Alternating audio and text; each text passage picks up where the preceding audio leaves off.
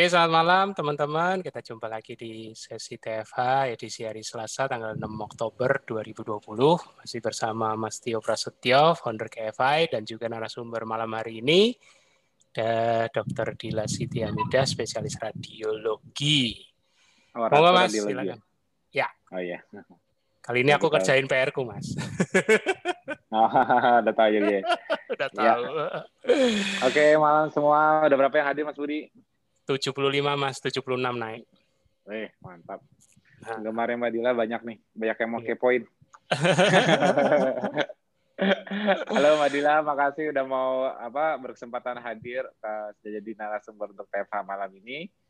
Iya, Seperti Mas. biasa, TFH malam ini kita eh, kerjanya kepoin para nakes. Kita mau tahu gimana pengalaman mereka, awal mereka mulai KF-nya kan- kenal dari mana, eh, awal mulainya alasannya apa, mungkin kalau ada alasannya, kendalanya apa, respon lingkungan, sejawat, dan keluarga bagaimana, dan sebagainya. Oleh sebab Iya, itu iya. kita mau dengar nih ceritanya Mbak Dila. Monggo Mbak, silakan lanjut. Oke, ya. Eh, Assalamualaikum warahmatullahi wabarakatuh. Sebelumnya terima kasih nih sama Mas Tio. Sebenarnya agak kaget juga waktu di WA sama Mas Tio. Mbak Dila bisa ngisi TFH. Oke, "Hah, saya kan baru tiga bulan. Ya, Tapi ternyata apa-apa. Mas Tio memang lagi nyari newbie gitu. Jadi ya, eh, ya, saya biar menyemangati diri sendiri juga gitu ya. Ya, betul. Yes. Dan dan dan justru Ya, yang yang gitu baru baru tiga bulan ini kan kita pengen tahu Mbak Dila belajarnya udah sampai mana, apa yang masih ingin diketahui, apa Ya, yang ya. kira-kira apa justru itu malah yang apa namanya para para newbie lain malah malah masih di fase yang sama. Mungkin kalau yang senior senior takutnya udah dua tiga tahun udah lupa dulu mereka rasanya jadi newbie kayak apa mungkin. Karena kita pengen tahu nih rasanya jadi newbie gimana, maksudnya apa aja kendalanya apa aja. Jadi kan ya bagaimanapun juga di KF itu sebetulnya ilmunya itu sebetulnya repetisi. Apa yang kita yang yang sebetulnya dikira aku aku jelasinnya advance itu sebetulnya sudah pernah dijelasin dulu dulunya. Cuman mungkin ada yang kelewat atau gimana ya siapa tahu nanti kita bisa mengulang lagi ilmu-ilmu dasar apa Hmm. basic yang yang Mbak Dila mau tahu akhirnya bisa jadi ilmu buat banyak Yes. yang lainnya juga. Oke. Ya, oke silakan Mbak Dila. Iya, saya eh, ada yang mau di-sharing juga ya, Mas. Wah, keren Silakan. nih kalau sharing PPT. Monggo. Oke.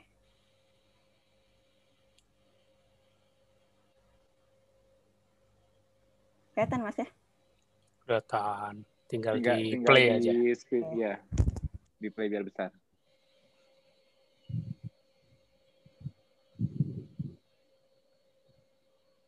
Maaf ya, maaf. Nah ini jadi eh, share tiga bulan ya dengan ketofastosis.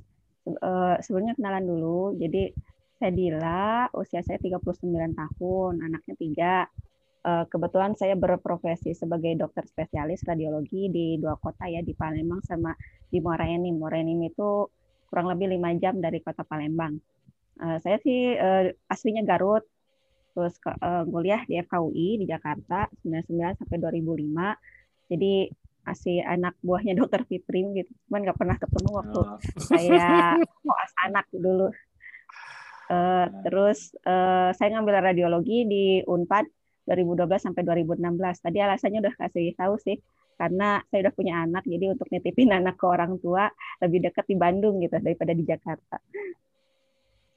Nah, eh, saya tahu KF sebenarnya, eh, jadi sebenarnya eh, yang saya tahu pertama itu ketogenik gitu. Saya tahunya itu tentang keto apa KF eh, awalnya itu dari eh, kan follower akun Facebooknya Dokter Piprim tuh. Jadi Dokter Piprim itu ada eh, share dia perubahan berat badannya gitu selama satu tahun 25 kilo gitu kalau nggak salah. Terus, eh, dia tuh posting juga makanan dia gitu kayak gitu.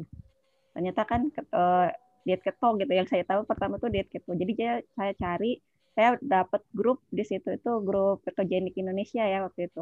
Jadi saya di situ cuman eh ya saya lihat-lihat aja gitu oh ya pola makannya seperti ini gitu kan jadi eh, karbo apa pagi itu makannya eh, apa namanya pokoknya yang banyakin lemak protein terus karbonya sedikit ya kayak gitu ya. Tapi makan tiga kali sehari kan kayak gitu. Tapi uh, terus saya juga sebenarnya sudah pernah uh, apa masuk grup di KF Nakes Facebook itu udah lama. Tapi nggak pernah lihat postingannya. Cuman uh, saya saya nggak tahu sih bedanya ketogenik sama ketomastosis itu bedanya apa kayaknya kirain sama aja gitu kan. Ikut grup hmm. itu udah lama tapi nggak pernah baca gitu. Postingan postingan postingan di grup sih. Kalau di Facebook saya jarang baca gitu ya. Jadi uh, apa namanya uh, ya tahu aja gitu. Ada oh ada yang namanya uh, KF sama ketogenik. Tapi uh, mana yang ini ya? Jadi saya ikutin yang ketogenik gitu kan. Nah pas hmm. itu saya uh, 2018 awalnya uh, saya uh, karena udah uh, udah melahirkan anak ketiga terus udah menyusui kan. Uh, tapi menyusui cuma cuma enam bulan jadi saya mulai uh, pengen nurunin berat badan gitu kan. Jadi saya mulai diet ketogenik tapi cuma dua setengah bulan. Uh, alasannya tidak tuh tidak terus itu karena waktu itu saya makan kue tergoda oleh kue ulang tahun anak saya gitu. Jadi saya makan kue kemudian habis makan kue itu saya malah muntah-muntah mencret gitu kan. Yeah. saya kan harus juga, kerja juga keluar kota ya. Tadi kemarin ini bolak-balik itu uh, di jalan itu tuh kalau saya muntah itu ganggu banget. Akhirnya saya uh, memutuskan untuk berhenti. Nah kebetulan juga uh, saat itu ada masalah di haid juga gitu kan. Makanya sudahlah nggak jadi nggak jadi diet uh, ketogenik lagi gitu. Dah. Jadi itu sudah udah pernah gitu kan tapi abis itu saya nggak baca baca lagi saya bablas aja gitu. Uh, uh, diet dua setengah bulan itu berat badan saya sih sempat turun uh, berapa ya tujuh kilo tujuh kiloan lebih lah gitu. Jadi 58 gitu saat selesai diet ketogenik tapi seiring waktu kan naik lagi tuh makan udah gerasak gerusuk lagi gitu. Saya kalau hmm. kerja itu biasanya misalkan uh, nggak sempat makan gitu ya bukan nggak sempat makan malas makan pagi memang uh, jadi kalau misalkan siang saya selesai pemeriksaan uh, pasien gitu biasanya jam 2 tuh jadi mulai makan jam 2 biasanya karena nggak bisa keluar dari rumah sakit itu saya makan kadang-kadang di kantin itu pesennya makan mie gitu pesennya makan mie instan hmm. gitu dan mie instan itu biasanya sambil baca foto gitu kan karena uh, tumpukan foto suka banyak tuh dulu, dulu itu kayak gitu. Jadi kebiasaan saya seperti itu gitu. Nah akhirnya bertambahlah berat badan saya tuh uh, terus terus terus sampai akhir tahun 2019 itu saya timbang jadi 68 kilo. Jadi 68 kilo gitu. Nah saat dua apa sebelum sebelum mulai KF ini saya pakai pernah pakai produk shake gitu kan udah habis belasan juta turun sih berat badan 4 bulan itu empat setengah kilo gitu tapi berat di ongkos berat di ongkos nah kebetulan saat itu saya lagi buka Facebook ada kan lagi udah mulai masuk pandemi ya banyak kan WFH gitu seminar-seminar uh, onsite tuh gak ada ya banyak kan yang hmm. online gitu kan hmm. jadi saya sudah mengenal nama Zoom gitu jadi pas di situ tuh ada uh, postingan di KF Nakes itu kan uh, ada hmm. talk show from home bersama Dokter Fitrim. Yang pertama hmm. saya ikutin, uh, hmm. tapi nggak nggak. Uh, jadi saya ikut, saya ikut nyimak aja saya pengen iseng aja sih karena judulnya itu tentang COVID juga kan, kalau nggak salah hmm. fatalitas hmm. COVID itu. Yeah. Jadi hmm. saya ikut aja gitu. Jadi saya nyimak di situ, saya nyimak benar-benar nyimak gitu kan. Oh ternyata KF itu beda gitu, tahu tahu kirain ya sama kayak ketogenik aja ternyata oh ini beda terus oh ini ilmiah banget gitu saya saya bingung ini kok ilmiah banget gitu ya jadi saya uh, tertarik cuma saya waktu itu waktu pertama TFH itu uh, saya nggak ikut sampai selesai karena ada musibah anak saya waktu itu. Anak anak khusus saya jatuh gitu kan jadi saya ke rumah sakit. Nah, terus hari hmm. kalau nggak salah selanjutnya itu lusanya ya ada lagi ya. Saya ikut lagi gitu. Saya ikut lagi. Nah di situ. Ya akhirnya sudah ikut TFH yang kedua saya memutuskan untuk ikut uh, untuk merubah ya uh, gaya hidup saya ikut uh, ketofastosis gitu. Saya hmm. uh, saya baca sendiri, saya saya cari tuh sebenarnya udah punya ya sebenarnya ternyata di, di laptop saya tuh udah ada uh, protokol cuman nggak pernah saya baca gitu saya download hmm. doang nggak pernah dibaca gitu saya baca protokolnya oh ya udah uh, kalau kalau misalkan harus uh, skip sarapan ya sudah udah biasa ya saya jarang sarapan oke okay, gitu makanan hmm. juga pernah diet ketogenik kayak kayaknya sih uh, apa aman lah gitu kan jadi hmm. itu itu uh, saya mulai memulai KF uh, terus motivasi yang lain juga orang tua saya kan hmm, ada riwayat DM ya. Uh, jadi uh, ayah saya itu empat bersaudara, laki-laki semua. Nah tiga tiga di antaranya itu DM termasuk ayah saya dan meninggal karena DM ketiganya sih udah meninggal gitu ya. Itu karena DM. Jadi uh, resiko keluarga juga ada. Nah ini awal tahun maaf ya. Ini foto awal tahun gitu saya tuh budet banget gitu. Nah yang sebenarnya kalau untuk kontur tubuh saya nggak terlalu nggak terlalu fokus ke situ ya. Tapi saya uh, ini nih yang jadi masalah dan saya membuat saya khawatir tuh ada uh, iseng sih sebenarnya ini lagi USG sendiri, lagi USG sendiri gitu. Saya biasanya ngeceknya liver doang ya. Oh liver aman sudahlah gitu kan. Liver saya nggak fatty liver gitu. Tapi kalau untuk di uh, perut bagian tengah saya nggak pernah USG gitu kan. Hmm. Ini lagi iseng saya USG, ternyata ada perlemakan di pankreasnya gitu kan. Ini kan hmm. di sini kan hmm. lemak nih, lemak lemak yeah. uh, lemak tubuh. Ini pankreas harusnya kan warnanya lebih hitam yeah. gitu. Ternyata dia sama yeah. kayak kan kayak gitu. Hmm. Nah, selain itu juga saya ada masalah kesehatan. Jadi uh, ini tuh uh, apa ya? Uh, panggul. Jadi ini namanya uh, ya, tulang panggul pubik. Nah hmm. harusnya dia tuh nempel kan nah saya itu lebar gitu jadi hmm. eh, curiganya sih karena postpartum dulu nggak nggak nggak balik lagi gitu posisinya nah akhirnya dia hmm. ada komplikasi di sini ke panggul hmm. jadi panggul saya suka seni panggul saya yang sebelah kanan tuh suka sakit gitu hmm. jadi hmm. Eh, kalau aktivitas banyak misalkan saya banyak uh, berjalan terus lari atau duduk yang lama atau sepedahan itu sakit hmm. kerasa banget bahkan sampai hmm. saya apa jalannya tuh ya pincang-pincang dikit lah gitu kan karena sakit gitu. Nah itu uh, diperberat juga mungkinnya dengan obesitas gitu kayak gitu.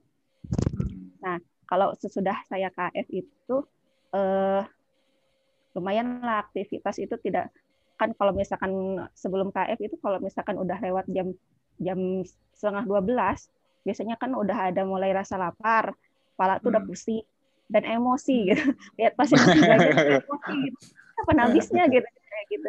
Lihat pasien-pasien banyak tuh kayak gitu emosi.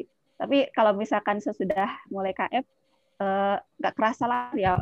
Memang pasien sesudah KF kan karena pandemi pasien berkurang gitu ya. Tapi hmm. uh, saya masih belum kerasa lapar sih gitu. Jadi uh, apa namanya lebih bawaannya enak. pengen bawaannya pengen gerak terus nggak? Bawaannya iya. Pengen, pengen apa namanya jalan uh, ngerjain ini ngerjain itu gitu. Tapi hmm. uh, maksudnya tidak ada kerasa capek gitu. Nggak nggak terlalu kayak, kerasa capek gitu. nggak kayak kehilangan tenaga terus uh, fokusnya nggak hilang. Fokus uh, nggak nggak hilang. Kecuali kalau saya kurang tidur nah itu. Nah, betul. saya kurang tidur yang ini saya mungkin itu HC makanya kan saya oh, HC-nya ringan. Kalau saya kurang tidur tuh sakit kepala. Jadi hmm. sakit kepala itu yang sakit banget sih enggak ya. Cuma hmm. mengganggu gitu. Nah, itu Kayak setelah berat. saya oh, oh setelah saya hmm. ingat-ingat ternyata memang di pilarnya itu lima pilarnya itu belum sempurna gitu uh, pas kurang tidur gitu. sama olahraga gitu ya cuman kalau misalkan ketika kurang tidur itu memang benar-benar kerasa gitu tapi alhamdulillah sih sekarang udah mulai membiasakan untuk tidur uh, apa tepat waktu gitu ya hmm. sebenarnya kurang tidur tuh gara-gara drama Korea tapi sekarang enggak lagi Drama Koreanya digeser aja lagi. Maksudnya. Dan nonton TFH juga nonton drama Korea, nonton TFH juga nonton drama Korea. Kan ada bintangnya tuh TFH. Oh. ya, tapi uh, bisa lah sekarang itu diatur waktunya. Nah, cuman mungkin uh, yang masih kurang itu olahraga karena termasuk grup mak-mak rebahan gitu. Tapi uh, udah mulai dibiasain untuk uh, ini uh, apa yoga tapi lewat YouTube itu ya. Karena hmm. uh, kemarin sempat sakit memang uh, saya sempat sepedahan kan di kompleks gitu. Tapi sakit panggulnya itu kerasa lagi gitu kan. Cuman uh, sakit panggulnya itu sudah nggak terlalu sampai mengganggu jalan gitu. Agak mendingan mungkin karena apa namanya berat badan udah turun juga ya jadi nggak terlalu sakit banget cuman uh, kerasa gitu akhirnya saya uh, apa namanya ada masukan juga kemarin dari dokter Yani itu coba untuk yoga gitu saya coba yoga tapi untuk masih untuk pemula sih gitu. masih awal-awal saya lagi uh, apa membiasakan yoga nah ini perbandingannya ya mas hmm. Wow, keren. Wah, Ini eh, mantap. ini dua, mi- dua minggu yang lalu. Ini foto dua minggu yang lalu pulang kerja, jadi saya foto. Nah, yang yang ini eh fatty liver saya eh fatty liver. Ah, Fatty pankreas. Fatty pankreas. Hmm, sudah Ah. berkurang gitu ya, sudah Ya, berkurang. Iya. pasti. Ah, Eh, eh, walaupun masih apa namanya Masih ada ya, tapi pantau aja Ah, terus pasti itu. Hmm. Iya, saya belum mantau lagi sih, lupa. Gak apa-apa pantau terus. Justru, justru justru yang kuncinya nanti nanti aku jelasin belakangan. Jadi Ah. jadi eh, itu itu disebut namanya lipotoxicity. Lipotoxicity itu di mana perlemakannya itu jadi harusnya lemak itu kan posisinya di adipose tissue, di adiposit. Tapi dia malah masuk malah malah ada di lipid dropletnya, lemaknya akumulate di sel-sel yang tidak ya sel, sel- pokoknya segala sel yang tidak berdedikasi untuk menyimpan lemak entah itu liver entah itu pankreas entah itu ginjal itu namanya namanya uh, lipotoxicity nah dulu Hmm. kan su- eh, zaman ini mas tahun berapa itu yang 2018 2017 ya katanya Hmm. kalau kalau KF kalau makan hewani katanya bisa lipotoxicity Eh, keracunan kita buktiin aja lipotoxicity malah di ya lipotoxicity di organ justru malah malah beres duluan di KF makanya orang kalau Ya. ada fatty Iya. liver aku pengennya mereka USG per bulan kalau perlu kelihatan banget itu pengur- Ya. penurunan fatty livernya lemaknya di liver malah Hmm. bersihnya itu kelihatan banget makanya ini ini pankreas kalau bisa kalau mbak ini ini mbak bisa USG sendiri karena radiologi sih ya, Ya. maksudnya bisa akses sendiri ya? Ya makanya jadi mbak betul mbak betul. justru justru justru nanti ini mbak kan baru tiga bulan. Mbak Dila kan baru tiga bulan. Hmm. Nah, nanti begitu udah udah sampai progresnya nanti bulan keberapa ini sekian sekian sekian ikutin ke KF Challenge pasang fotonya perubahan perubahannya dari dari penurunan apa eh, jumlah lemak di pankreas. Itu penurunannya seberapa sampai selesai berapa bulan sampai bersihnya berapa bulan pasang tuh di KF Challenge. Udah jadi living proof buktinya. Oh, gitu. Mumpung ada kesempatan bisa sendiri. Kalau orang lain belum tentu. Mau harus ke rumah sakit dulu ngecek dulu. Nah ini malah bisa jadi living proof nih untuk lipotoxicity. Tapi memang benar Mas. Jadi gini ya, saya tuh kaget juga. Kenapa saya bisa fatty pankreas gitu. padahal eh, saya kan MCU eh, tiap tahun ya kalau di radiologi itu. Nggak ada ini kolesterol juga eh, apa dalam batas normal lah gitu ya. Trigliseridnya, trigliseridnya. Triglycerid saya lupa sih. Cuman eh, tiap tahun itu eh, dalam batas normal sih sebenarnya Mas. Cuman waktu terakhir tuh ada saya saya lupa sih angkanya berapa. Tapi kalau triglycerid itu em, masih normal, masih normal. Jadi agak Hmm. agak di, Di bawah bawah 150. Ah, di bawah 150 tapi eh, di atas 100 gitu. Cuman saya lupa Hmm. pastinya berapa gitu. Nah, itu. Eh, HDL saya yang rendah, HDL saya yang rendah, tapi Ya. eh, saya kan Hmm. nggak berpikir saya nggak berpikir ada kelainan profil lipid lah gitu istilahnya. Ya, Tapi kenapa ya. bisa pankreas gitu kan? Itu Eh, dia. itu juga cuman Ya memang kan, kan karena karena lingkar perut eh, eh, lingkar perut saya memang gede banget gitu. Lingkar perut saya itu waktu itu 88 cm Mas. 88 Ya, itu kan cm. parameter metabolik parameter metabolik yang Iya. dibilang Mas Pipim kalau nonton kemarin di Zoominar. Hmm. Benar-benar. Itu eh, eh, jadi memang memang ada sih gitu. Walaupun sebenarnya dari labnya itu eh, nggak terlalu kelihatan nggak gitu. Jadi memang kayak gitu. Eh, terus eh, saya juga ada eh, dari pasien sih, bener, pasien USG. Jadi dia eh, dia cuma bilang diet keto sih. Jadi dia, ada fatty fatty liver katanya. Fatty Hmm. livernya Hmm. itu yang udah grade 3 katanya kan dia Hmm. berobatnya waktu itu di Singapura. Ada Hmm. batu empedu tapi udah diangkat. Jadi dia cuma mau eh, follow up doang. Jadi saya nemu pasien itu eh, nggak ada lagi udah normal si fat, si livernya itu udah udah nggak ada perlemakannya lagi gitu dalam Iya. dalam berapa bulan dia udah eh, enam bulan kalau nggak salah waktu itu iya saya diet keto katanya kan Eh, tapi nggak tahu Hmm. apa ketofastosis apa itu cuma bilang diet keto Hmm. kan itu udah lama sih waktu itu oh gitu oh gitu ya gitu, gitu Hmm. makanya saya waktu itu cari-cari juga kan tentang diet keto sebelum 2018 Tapi Mbak sering Nah, Mbak, ini, Mbak sering dengar nggak dulu kalau kita oh kalau di KF mungkin karena makannya hewani ada lemaknya dipikirnya nanti livernya kerja berat dipikirnya nanti livernya jadi berlemak gara-gara metabolisme lemak di liver jadi berat gara-gara yang dimakan lemak pernah dengar nggak kayak gitu? Iya. Eh, jadi eh, kalau misalkan kita makan lemak malah kolesterolnya tinggi kayak gitu sih Iya, sebenarnya. Iya, ya, itu itu Jadi itu ada kadang-kadang kok kok nggak kok nggak make sense ya kok dari dari dari Iya. dari pola itu kok kenapa justru malah yang terjadi malah kebalikannya malah lemak di Iya, organ benar. lemak di organ-organ kita bersih lemak di badan kita di kita juga bikin aneh. Nah, itu rahasianya. itu tuh aneh makanya kan memang harus belajar sih benar. Memang harus belajar. Jadi uh, nah ini ini lab, lab darah saya setelah tiga minggu sih mas ya.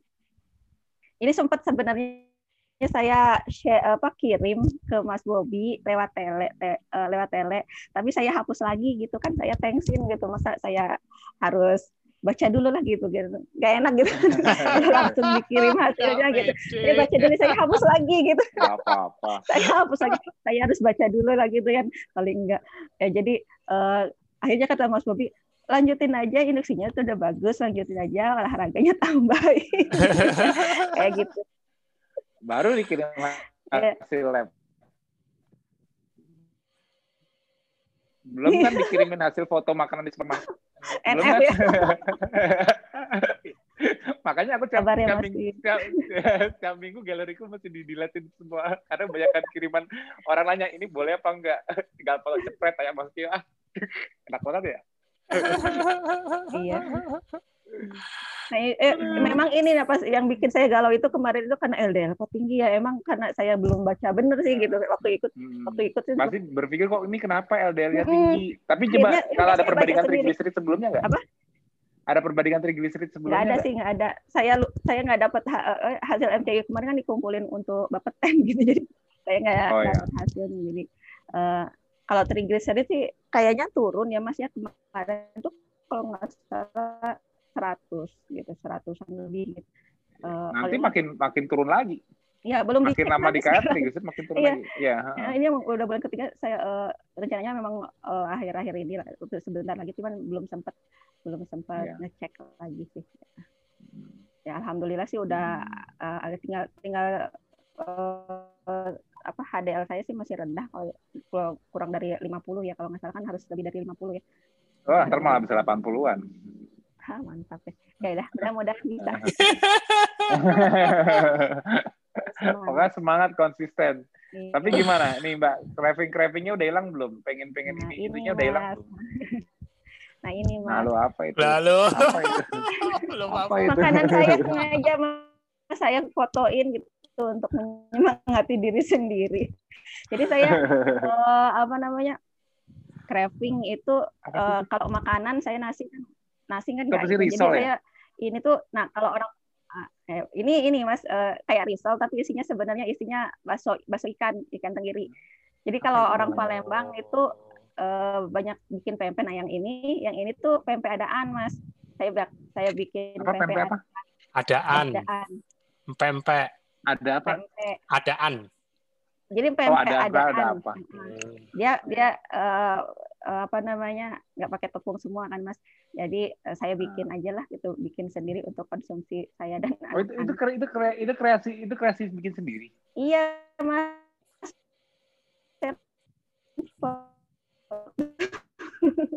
Sebenarnya itu, itu bukan pemerasan PPA karbonya bukan. Bukan, bukan. Oh, itu kreasi sendiri semua. Iya, ini uh, masak masuk masuk divisi saya. masuk divisi produk deh, cepetan. biar eh, biar biar biar warrior lain bisa nikmati masakannya loh justru justru kan dicari UKM itu orang-orang yang pintar kreatif. Jadi kalau ada yang jadi ada yang kebelas cheating, ya dibantu gitu dong. Ini terpaksa sih sebenarnya, ini terpaksa. Jadi, jadi kreatif uh, kan? Saya bikin Uh, uh, jadi terpaksa akhirnya saya bikin masakan. Kalau ini kan rendang gitu, rendang cuman uh, versi ketoknya walaupun tidak saya kan nggak bisa masak sih sebenarnya walaupun, walaupun tidak sempurna jadi lah gitu kan kayak gitu. Nah ini ini uh, bakso tapi uh, apa namanya bikin sedikit sedikit aja kayak gitu. Ini ini uh, contoh makan saya gitu kan. Ini ada uh, rencananya pengen bikin nasi halu gitu kan. Tapi masih belum terlalu halus sih nasinya telur ya. Telur nasi halu halu halu oh. jadi sebenarnya mau, mau halusinasi ya, bayangin makanan. sebenarnya uh, uh, saya mencontohkan kawan saya yang ingin ya, jadi uh, kawan saya ingin, ingin makannya apa aja gitu mbak gitu. Ya udah saya fotoin kan saya kirim di Instagram saya kirim ke WA-nya dia kadang-kadang ini makanan aku gitu kan. Terus uh, ini kan kayak uh, apa shirataki ya shirataki uh, bihunnya itu. Uh. asal sih sebenarnya ini resepnya resep resep saka. Saka inget jadi asal. Asal inget. Tapi rasanya enak gak enak gak enak mas. Enak aja mas. Biasa sih untuk untuk memastikan memastikan enak enggaknya sih biasanya sih kebanyakan ngetesnya harus dikirim ke pangkalan asam biasanya loh. Oh. kalau emang modusin. Aduh, mas ini masih skala lo. ada Mbak Feli itu Mbak Feli. Mbak Feli ya. Benar craving saya itu ya Mas ya saya tuh pencinta kue hmm. makanya saya bikin kue jadi untuk menghilangi craving saya atau kekangenan saya untuk sama kue. Jadi saya bikin kue yang apa namanya uh, apa uh, low carb gitu yang yang ini kan uh, kemarin anak saya ulang, ulang tahun kan. Jadi hmm. saya takut terkena lagi gitu, terkena jebakan lagi. lagi. Akhirnya. Uh... ini saya bikin gitu ya, saya bikin sendiri. Emang ini full nggak pakai tepung sama sekali, pakai telur doang kan. Nah, uh, sama bikin bat sama bikin buttercream sendiri gitu coba pakai yes. buttercream sendiri Keren. gitu ya lumayan mas gitu Nah ini mah harus nih, ini ini cikal bakal cikal bakal vendor di Palembang nih wajib nih harus dikembangin. Serius nggak memang justru, justru dalam gini loh mbak, bukannya gimana? Dalam suatu komunitas, KF itu kan komunitasnya besar. Nah, yang sulit itu di daerah itu banyak yang ngeluhnya apa mbak? Ya enak kalau yang di Jakarta. Banyak yang pinter bikin itu, banyak yang ngejualin. Itu keluar mereka. Mereka nggak cuma bisa ngiler ya di Jakarta bisa makan kue ini kue itu bebas karbo. Yang stres siapa? Yang daerah. Nah sebabnya yang di daerah begitu begitu ada orang begitu ada orang yang kreatif jago masak pernah masak sebelumnya bisa modifikasi ada di komunitas di daerah tersebut, dia harus jadi jadi bantu yang lainnya sup, jadi suppliernya. Kalau mereka, aduh gue pengen ini, Dila bikinin dong, lagi pengen pempek keto nih, lagi pengen kue ini nih nih. Jadi, apa nggak kasihan kalau mereka kejebak kayak Mbak Dila dulu? Ya kan? Nah, jangan melindungi diri sendiri, melindungi yang lain. Sriwijaya itu di KF Sriwijaya itu banyak yang lebih jago bikin-bikin kue. Ya semuanya berbagi ilmu, berbagi. Aku malah pengennya KF komunitas KF ini jadi ladang rezeki buat banyak orang. Ini siapa tahu dari dari dari cuma iseng-iseng bikin sampingan tapi besar gimana? Ayo, nah, kan rezeki orang.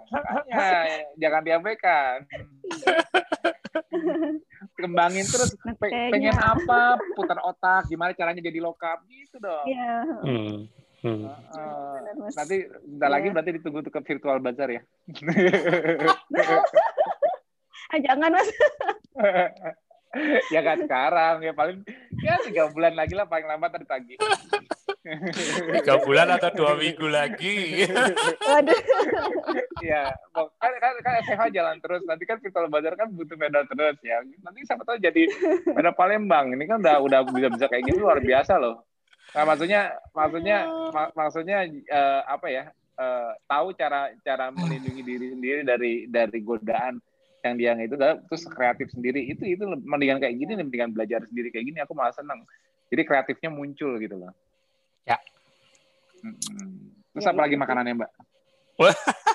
Jadi virtual bahasa ada slide belum digeser? ini cuma ini. Biasa kayak gitu lah kayak gitu aja sih biasanya kalau kalau hari ini kan biasanya saya bikin weekend gitu kan. Kalau lagi hari kerja itu saya kan dapat uh, kalau di RSUD itu ya, kalau di Morenim itu saya dapat jatah tuh makanan ya. Kalau untuk tim COVID itu biasanya mereka uh, apa rumah uh, kita tuh dikasih nasi kotak ya. Uh, hmm. lauknya ada lauk sama sayur. Terus hmm. dikasihnya itu kue mas dikasihnya tuh kue gitu untuk apa namanya tambahan makanannya itu. Satunya lagi telur sama susu. Jadi saya cuma ngambil telurnya doang gitu kan. Sisanya hmm. saya kasihin sama kawan saya. Yeah. ada yang mau nih ambil aja gitu. Saya cuma ngambil telur nah, pada responnya aja. gimana tuh? Responnya gimana? Tuh ada mereka tahu dia nggak makan? Uh, uh, saya oh, ajakin sih ya. sebenarnya. Kan ada kawan ayo kita ini aja kita low carb gitu istilahnya kan. Kita low, hmm. low carb Cuma uh, yang sering dapat dapat uh, jawaban itu, aduh kayaknya saya nggak bisa nih makan nasi, nggak makan nasi atau saya nggak bisa uh, mungkin bisa, kalau nasi bisa gak, tapi pempek nggak makan kue nggak bisa. Gitu, Iya betul. Ya, uh, makan pempek. Mbak Dila juga gitu dulu pasti gitu kan. Mbak Mbak Dila juga dulu pasti mikir. Kalau saya saya Mbak Dila kan, kan udah tahu keto udah lama tapi. Uh, uh, apalagi saya juga kan orang Garut tinggal di Palembang orang Garut itu kan senang yang beraci-aci gitu ya cilok cireng cimol dan sebagainya yang bertepung tinggal mas. di Palembang makan makan makannya Aci. makannya apa eh, pempek kayak gitu kan gitu. Tapi eh, apa sih mungkin karena saya dulu udah pernah ini jadi udah terbiasa juga kan jadi ya kita cari aja eh, apa namanya kita lihat-lihat aja di resep apa yang bisa kita ganti gitu kan kayak gitu Hmm. jadi eh, banyak banyak apa namanya banyak se apa terutama sih sebenarnya untuk awal-awal mulai keto itu saya lebih lebih fokus ke makanan ya mas bukan ke ilmunya dulu ke makanannya nah baru Karena pengen baru- berusaha gitu. ya karena biar biar biar nggak ini biar nggak apa namanya biar nggak cheating lah istilahnya biar untuk eh, Hmm. menjaga motivasi gitu nggak, nggak jangan sampai gagal lagi lah gitu gara-gara hal sepele gitu kan kan nggak enak gitu Iya, Hmm. kebanyakan Karena cheatingnya udah- itu bukan karena lapar, cheatingnya cuma karena tergoda aja biasanya. Iya, kan kangen gitu ya itunya ya itu. Cuma kalau misalkan ketika udah ada ini sebenarnya makan juga nggak bisa banyak sih, paling potong Betul. gitu kan. Cuma pengen ini doang. segini, iya ya segini aja sih gitu kan. Itu itu juga udah udah cukup gitu karena untuk memuaskan lidah aja gitu kan. memuaskan lidah aja. Nah, eh, nah baru akhir eh, apa namanya pertengahan bulan kedua itu saya mulai belajar mulai mempelajari yang tentang glikolisis, lipotoxicity itu gitu kan. Eh, ada di share tuh sama Mas Bobby ya eh, link YouTube-nya kan. Jadi saya lihat di situ. Saya lihat di situ. Saya juga eh, saya malah bikin catatannya Mas. Ya kan Hmm. deh. Nih, ini catatan apa yang diomongin Mas Tio tuh saya tulis gitu catatan. ini. Wah. Aku aja aku aja nggak pernah nyatet. Kayak- Mas kalau saya nggak nyatet saya lupa. Jadi saya bikin catatannya walaupun saya kadang-kadang tulisannya kok nggak jelas ya apa tulisan saya itu. Jadi eh, biar apa namanya biar ya maklum ya mas kalau saya merasa sudah mulai menua gitu nggak nggak nggak nggak bisa belajar cepat gitu. Jadi oh ternyata begini oh ternyata jadi eh, apa namanya mulai paham lah sedikit basicnya ya basicnya. Cuman Hmm, kalau hmm, untuk eh, pathway pathway bioseluler saya masih masih dikit-dikit aja gitu. Oh gitu ya. Palingan palingan oh dulu nggak ngerti apaan gitu. Tapi eh, saya sih masih bersemangat belajar. Ya itu sih mas eh dari saya.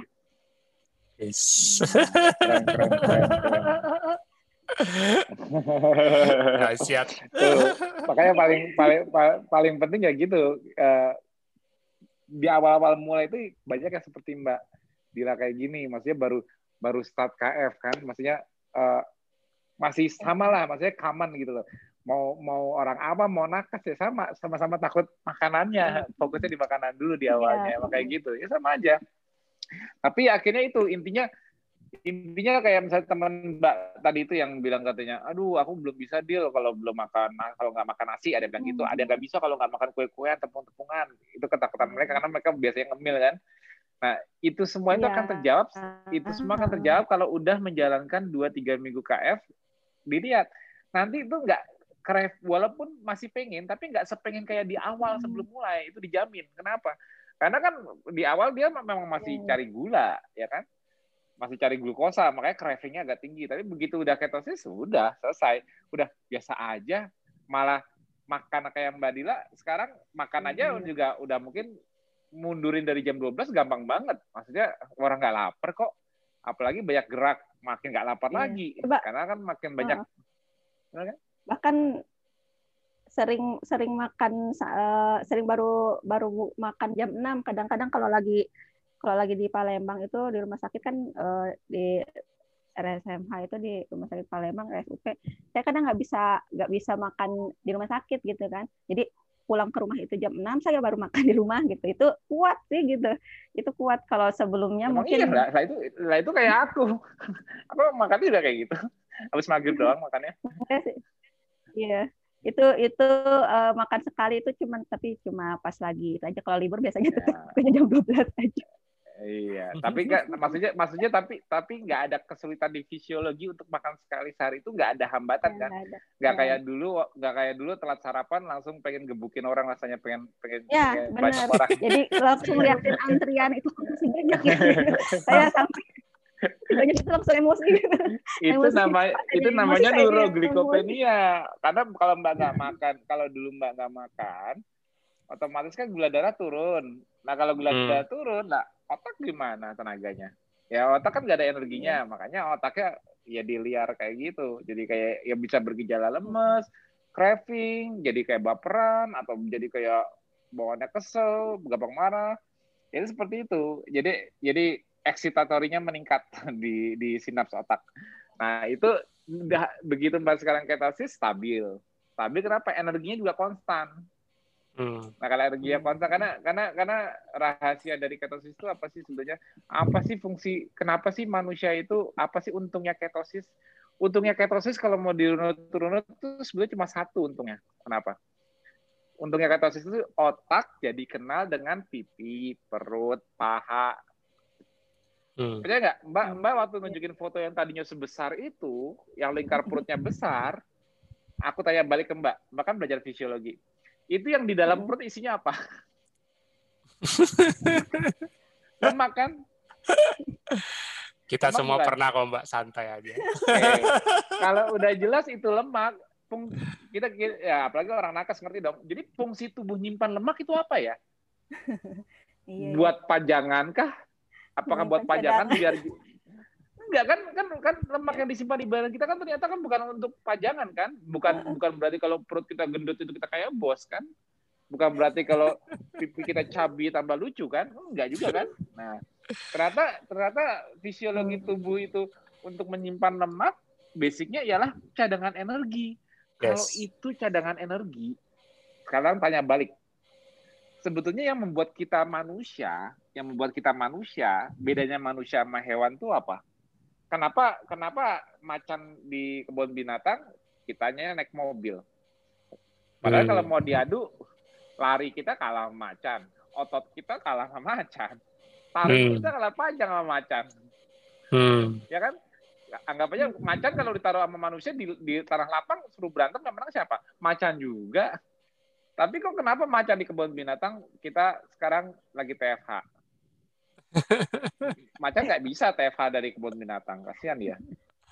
Kenapa? Dia Berarti yang membuat- semua. Iya, jadi jadi yang membedakan padahal banyak banyak padahal di muka bumi ini walaupun manusia itu kan secara biologi manusia jatuhnya kan animal kingdom.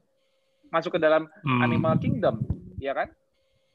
Hmm. Secara biologinya kita kan hewani juga sebetulnya. Tapi he- hewan dengan kognitif paling tinggi. Makanya kita jadi manusia. Artinya yang membuat manusia itu paling penting, yang paling penting bagi manusia itu apanya? Ototnya, larinya, apanya? Otaknya. Setuju nggak? Sepakat nggak? Iya. Nah, berarti kalau untuk menjadi manusia yang sempurna, organ terpenting yang harus berkembang, yang harus meningkat, harus dilatih, apa yang harus paling utama tidak kekurangan energi, organ yang mana? Otaknya. Hmm. Otak. Nah, udah selesai. Nah, kalau kita semua udah sepakat bahwa manusia itu yang penting otaknya, kayak lagi. Nah, manusia nyimpen cadangan energi dalam bentuk apa? Lemak. Nah, nah begitu manusianya nggak makan, cadangan energinya harusnya bisa diambil nggak? Harusnya. Harusnya bisa. Nah, kok kok mau baca koran kemarin? Ayo. kok bawahnya lemas? Kok kesel? Kok Iya. perut perutnya nggak perutnya nggak diambil lemaknya sama otak tuh? Enggak. Yang ada malah pengen buru-buru makan, terus perutnya nambah gede lagi. Jadi jadi kalau makannya kebanyakan, energi cadangannya ditambah lagi. Bukan. Tapi kalau nggak makan, energi cadangannya nggak bisa diambil loh. Kok lucu ya? Ada yang aneh nggak dengan sistem di tubuh? Kalau kita lapar, keliengan, pusing, gula darah turun, energi kurang, sensing kita makan. Hmm. Biasanya dulu yang dimakan karbohidrat, bener nggak? Iya. Hmm. Nah kalau kita makan karbohidrat, berarti kan sumbernya glukosa.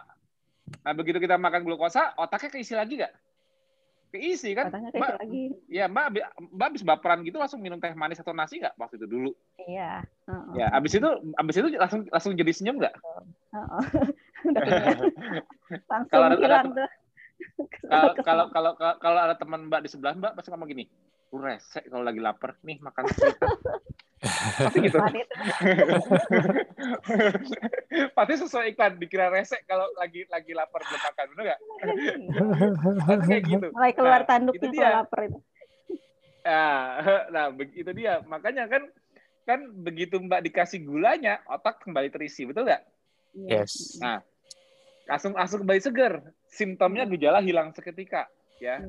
Simptom glikopenia hilang seketika. Nah, terus kelebihan gulanya yang nggak dipakai otak taruh di mana? Taruh di lemak. Taruh di perut lagi. Oke ya, taruh di perut. Nah, nanti nggak makan lagi gimana? Taruh Ya, terus. enggak. Terus itulah itulah kendalanya spesies manusia. Spesies manusia berpikir energi utamanya ialah glukosa. Jadi dia makan sumber glukosa. Begitu glukosa lebih, tubuh tidak mau nyimpen glukosa. Tubuh nggak mau. Ini, ini glukosa tak taruh mana ya? Tak taruh, oh, tak taruh di otot deh. Cadangan glikogen masih bisa nyimpen 400-500 gram. Tapi pas mau ditaruh di otot, nah, ini ototnya belum kosong glikogennya. Nggak Ya, ada olahraga, nggak ada apa-apa. Glikogen masih penuh. Nah, terus ini sisa gulanya mau taruh mana nih? Habis makan nih gulanya udah naik nih 150 nih. Gula darah sewaktu naik nih. Kalau nggak kalau sampai nanti naik sampai 200 terus nggak turun-turun 3-4 jam kemudian, gue namanya diabetes postprandialnya GDS. Hmm, Berarti kan nih gula harus disimpan ke mana nih? hmm, Karena otot nggak ada yang bisa nyimpenin, karena otot tempat penyimpanan gula di otot itu cuma kulkas kecil yang namanya glikogen. Akhirnya Hmm. gulanya simpan di mana ya? Akhirnya tahu nggak kalau Mbak ngikutin pelajaranku, tahu nggak akhirnya organ mana yang bertugas untuk menyingkirkan gula tersebut? Kan nggak boleh kan? kan kan kan kan gula kan nggak boleh disimpan di darah dong, benar nggak? Iya. Kalau gula disimpan darah, mau jalan-jalan gula darah 500. Kan nggak mau kan? Iya. Nah, tapi tubuh kalau memang harus tetap simpan dalam bentuk gula, kan cuma bisa di glikogen. Nah, kalau glikogen di otot penuh, terus simpan ke mana? Glikogen siapa? Di liver. Oke, kalau glikogen di liver ternyata juga masih penuh, taruh di mana? Taruh di adiposa ya. Hah? Belajar jadi bingung. Kalau glikogennya penuh, Nah, eh, kan kan di otot penuh mentok nih. Akhirnya Ah. akhirnya akhirnya akhirnya yang yang bisa bisa terima gulanya cuma liver. Oke eh, kan? Nah, tapi glikogen di liver penuh. Kan Jadi- mengosongkan glikogen di, mengosongkan glikogen di liver kan butuh butuh 26 28 jam nggak makan baru Hmm. kosong glikogennya. Tapi kan Mbak waktu lapar itu kan bangun tidur cuma telat sarapan doang tapi jam 12 udah lapar. Iya. tapi belum makan. Berarti kan belum 26 28 jam berarti glikogen di liver nggak Hmm. nggak kosong dong. Iya. Nah, terus kalau habis masukin gula buat tadi otaknya udah udah, udah jreng lagi, udah nggak rese lagi, sisanya taruh mana gulanya? Taruh di adiposa dalam bentuk lemak ya nggak? Betul. Caranya ialah liver mengubah gula kelebihannya disebut namanya de novo lipogenesis. Gula menjadi lemak trigliserid, simpan ke Adiposa. sel lemak. Kirimnya Hmm. pakai VLDL, kirim deh ke sana. Jadi mau yang dimakan nasi dua piring sekalipun, tubuh tidak pernah bisa menyimpan dalam bentuk gula. Walaupun nasi hasilnya gula. Ah mau makan yang banyak, ah tiga piring biar tenaganya kuat. Nggak makan sampai tiga hari. Jadi gini, kalau kalau sehari aku tiga kali makan nasi untuk kuat, kalau aku mau puasa tiga hari, aku mau makan berapa tuh? Tiga kali tiga, makan sembilan piring nasi. Makan, wah, dah. Kuat nggak ya aku tiga hari nggak makan? Ini buktiin aja kuat apa nggak? orang-orang orang dari dia makan 9 piring nasi itu dua tiga tiga empat jam kemudian gulanya harus balik kok normal kan nggak Hmm. mau kan dia habis makan 9 piring nasi gulanya 900 apa 500 kan nggak mau kan? 500 ditahan Yes. sampai tiga hari. Jadi 500 nya mikirnya turunnya pelan-pelan. Nggak ada orang postprandial tuh cepet kok. Tubuh begitu begitu memasukkan gula begitu udah ada yang butuh dipakai sisanya tubuh langsung. Jadi gini jadi orang kadang nggak ngerti fungsi insulin. Insulin itu ialah urgency. Insulin itu merespon atas urgensi dari threshold gula. Semakin Hmm. gula naik semakin insulin berusaha menurunkan. Jadi jadi fungsi insulin itu ialah urgensinya menurunkan gula cepatnya kalau kita masih bisa cepat mengikuti respon insulin begitu insulin naik gula turun kita masih bisa sehat. Tapi caranya caranya bisa sehat itu harus dengan ngakalin. Dengan aku masukin insulin nih gula harus going somewhere. Makanya tadi aku tanya ditawarin ke otot. Otot ini mau pakai gula nggak nih?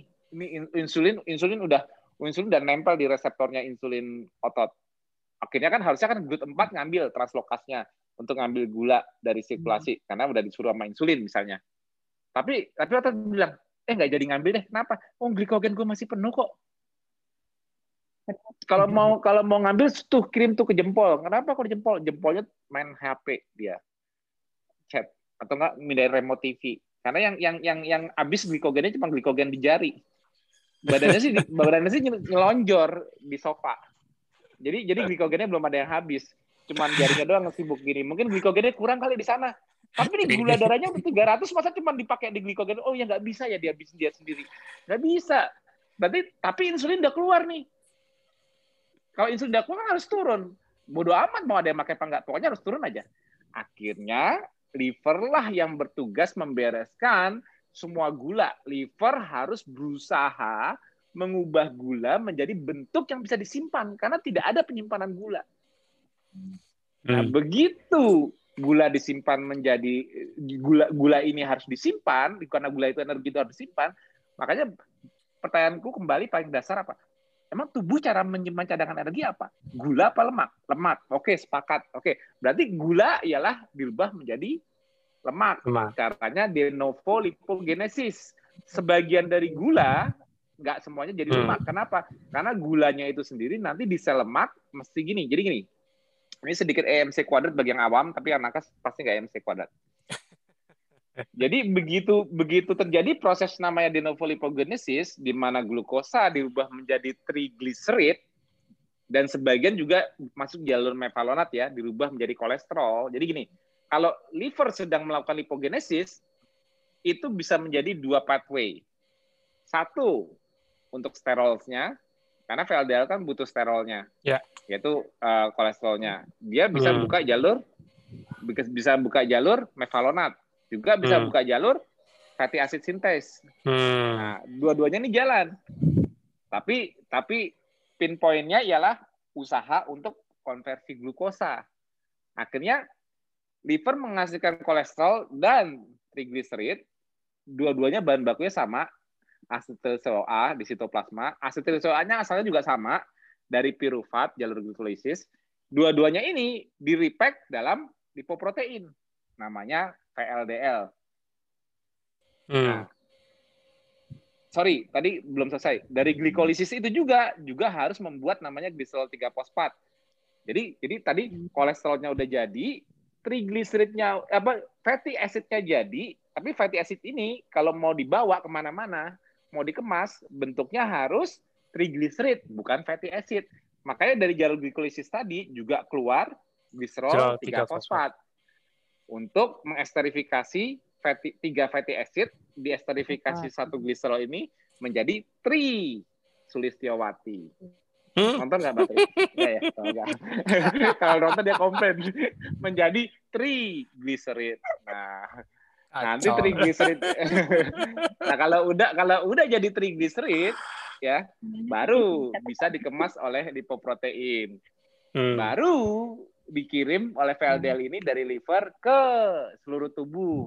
Yes. Pertama, pertama habis makan ini tadi kan tadi kan gini. Tadi tadi otot nggak mau nih nyimpen dalam bentuk glikogen karena gue masih penuh. Akhirnya liver berubah jadi lemak trigliserid dan juga bersama kolesterol dikemas VLDL.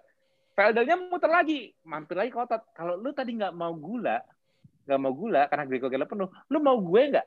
Kalau gue sekarang bawa lemak nih, VLDL ngomong gitu sama otot. Gue juga kagak mau. Kenapa? Ya kalau gue butuh energi, kenapa gue ngambil glikogen gue aja? Hmm. Artinya gue nggak butuh energi karena gue nggak ngapa-ngapain. Kan gue lagi leyeh di sini. Lagi leyeh. Jempol doang yang keringat. Bu, butuh tenaga apa di sini lo lagi leyeh kok? Oh, oh jadi lo nggak butuh ya? Enggak. Habis makan gue juga selenjeran. Kan gue kan, kan, kan ngantuk, kenyang, kenyangan. Veldelnya masa mau dikirim ke otot buat apaan? kan gue lagi hmm. rebahan kekenyangan. Nah, abis itu VLDL-nya lewat otot-otot nggak mau, ya udah nih. Siapa ya yang kira-kira mau ambil VLDL ini? Karena nggak ada yang mau, akhirnya yaudahlah biar aja orang gudang yang ngambil. Orang gudangnya itu sel-sel lemak kita di pos. Orang gudang cara ngambil VLDL-nya kan ingat di dalam lipoprotein VLDL itu atau LDL dia kan isinya kolesterol dan trigliserid. Ya. Nah, untuk ya. sel adipos itu ngambil lemak itu bukan ngambil trigliserid masukin ke dalam, enggak. Susahnya lemak itu dia kalau pindah pindah antar sel atau pindah antar antar antar, antar lipoprotein ke ke sel mau dipakai, dia itu buka tutup esterifikasinya. Jadinya tadi triglycerid, dia ketemu namanya sama lipoprotein lipas. Jadi lipoprotein lipas itu bisa melip, ya bisa memotong lemak entah itu dari lipoprotein contohnya dari usus kita makan lemak silomikron atau liver pakai VLDL itu kan lipoprotein juga. Itu juga motongnya pakai lipoprotein lipas. Kalau dipotong tujuannya untuk apa? Memecah kembali triglycerid menjadi gliserol dan fatty acid lagi. Ya. Baru fatty acid ini bisa masuk transport masuk transporter membrannya ke dalam. Jalurnya CD36 ya fatty acid transporter FATP atau CD36 iya, masuk dalam. Nah, gliserolnya ini gimana? Gliserolnya gliserolnya kan tadi gliserol 3 fosfat yang ikat esternya. Udah dilepas hmm. dari dari si Trisulestiawatinya. Hmm. Akhirnya gliserolnya ke mana? Gliserolnya jadi bebas. Yeah. Gliserol bebas di darah gimana? Ya gliserol bebas takdirnya kembali ke liver. Lari ke liver. Untuk, ya, kan untuk masuk jalur glikolisis masuk untuk masuk jalur glikolisis lagi. Yang diambil hmm. cuman fatty ya, acidnya. Sel-sel di tubuh kita tidak bisa utilisasi gliserol. Nah, hmm. jadi jadi gliserol itu cuma untuk bantuin bawa. Nah, tapi fatty acid yang diambil ke sel lemak ini dipakai untuk apa? Disimpan kan? Hmm. Kalau mau nyimpan, kalau mau nyimpan lemak fatty acid itu juga harus triglycerid bentuknya. Harus hmm. dihasil hmm. lagi.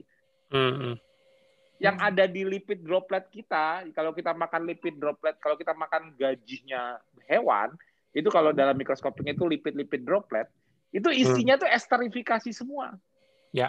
Artinya kita makan lemak yang teresterifikasi, artinya kita makan triglycerid. Hmm. Bukan makan lemak bebas. Karena lem, cara cara sel adipos di hewan maupun di kita untuk menyimpan dalam lipid droplet itu lemaknya harus bentuknya teresterifikasi, namanya triglycerid. Nah, ya. kalau kalau atau triasil gliserol bahasa kimianya. Nah, kalau kalau fatty acid ini harus diikat lagi oleh oleh oleh gliserol lagi di dalam sel lemak, berarti sel lemak butuh apa untuk membuat gliserolnya? Sama kayak liver, butuh, butuh glukosa. glukosa. Butuh glukosa, masuk jalur glikolisis, keluar deh tuh gliserol 3 fosfat dari jalur glikolisisnya. Untuk esterifikasi. Oh, jadi ternyata untuk menyimpan lemak pun butuh apa? butuh glukosa. Makanya nggak semua glukosa dirubah semua jadi lemak. Sebagian diambil sama, sama sel lemak untuk ngikat kembali di dalam sel lemaknya untuk disimpan. Kan mengirim hmm. ke gue tujuannya untuk gue simpan kan. Hmm. Nah, kalau gue simpan gue harus bentuknya harus bentuknya triglycerid. Gue nggak bisa nyimpan free fatty acid, nggak bisa. Nah, hmm. Kalau gue harus nyimpan ekses kolesterol, kolesterol pun juga harus gue esterifikasi di dalam lipid droplet. Namanya bukan free kolesterol, tapi kolesterol ester. Hmm. Nah, Gitu deh. Jadi jadi jadi glukosa itu sifatnya anabolik. Dia untuk membuat lemak dan dia juga untuk ngikat lemak kembali di sel lemak. Hmm. Sekarang sekarang ngerti nggak kenapa makan lemak makan lemak kok nggak bisa gemuk? Sekarang yang dimakan berlemak kan? kok kok berlemak kalau kalau kalau yang dimakan berlemak sekarang kok lemaknya nggak nambahin tuh di pankreas? Anggap hmm. aja kan, anggap aja gini, anggap aja Mbak kan lipid lipid droplet di pankreas Mbak membesar, hipertrofi semua. Jadi katanya Mbak fatty pankreas, betul nggak? Hmm. Emang hmm. cara sel pankreas menyimpan lemak di situ caranya gimana? Free fatty acid. Enggak, esterifikasi. Hmm. Nyimpennya juga harus bantuan glukosa. Ada gliserol 3 fosfat yang ikut fatty acidnya. Hmm. Nah sekarang Mbak nggak makan glukosanya. yang ada acid Gini loh, jadi faktorial faktorial utama dari lemak itu justru malah gli. Ingat gak? Gli. Gli. GLY itu sudah menunjukkan bagian dari glukosa, gliserol. Untuk lemak eksis dalam bentuk penyimpanan, itu glukosa kuncinya. Gliserolnya harus bisa ikat. Tanpa hmm. tanpa ada unsur gliserolnya, hmm. hanya free fatty acid, itu takdirnya free fatty acid ialah apa? Dibakar Pakai. jadi energi. Dipakai untuk energi. Jadi kalau kalau peningkatan free fatty acid jatuhnya untuk energi.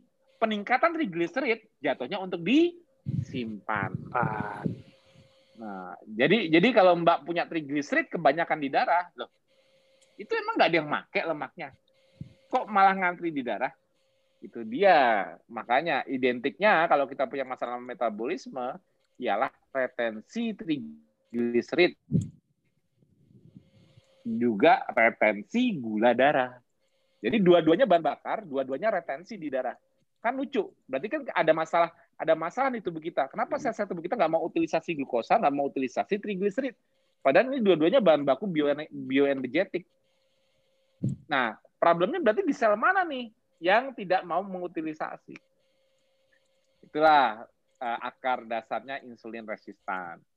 Tapi itu membentuk kita pola berpikir bagaimana cara menyimpan lemak sebenarnya. Kenapa makan lemak tapi tidak bisa menggemukkan kalau tanpa unsur pembuat gliserol 3 fosfatnya? Diajari nggak ini di diet keto?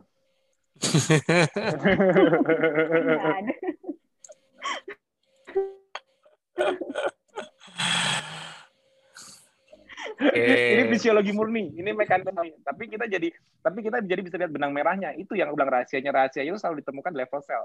Kalau kita paham sampai sejauh itu, orang mau ngomong apa pun nggak mempan. Hati-hati loh, kamu makan itu nanti kamu fatty liver. Hati-hati loh, kamu makan lemak nanti uh, kamu perlemakan hati, liver kejabras.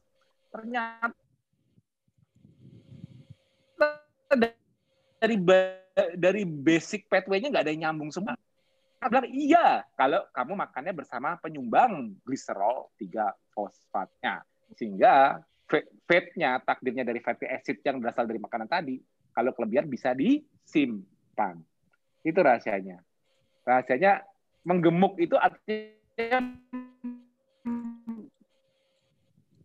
memperbanyak ikatan fatty acid gliserol 3 fosfat di dalam lipid droplet sel-sel lemak menggemuk itu artinya adiposnya diferensiasi nambah banyak atau dia bisa bisa bisa tetap sama tapi dia hipertrofi. Bengkak itu yang memicu insulin resistan. Artinya dia karena dia harus hipertrofi akhirnya dia mengalami kekurangan oksigen hipoksia. Akhirnya banyak sel adipos mati.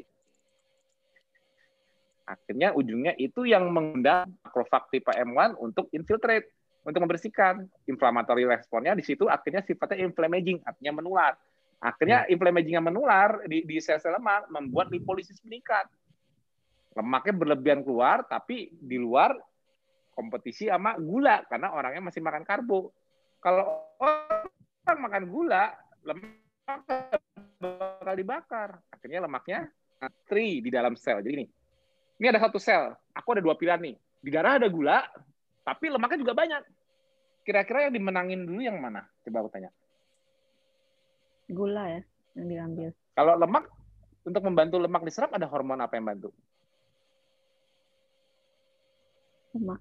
Uh, Gak ada. Gak ada.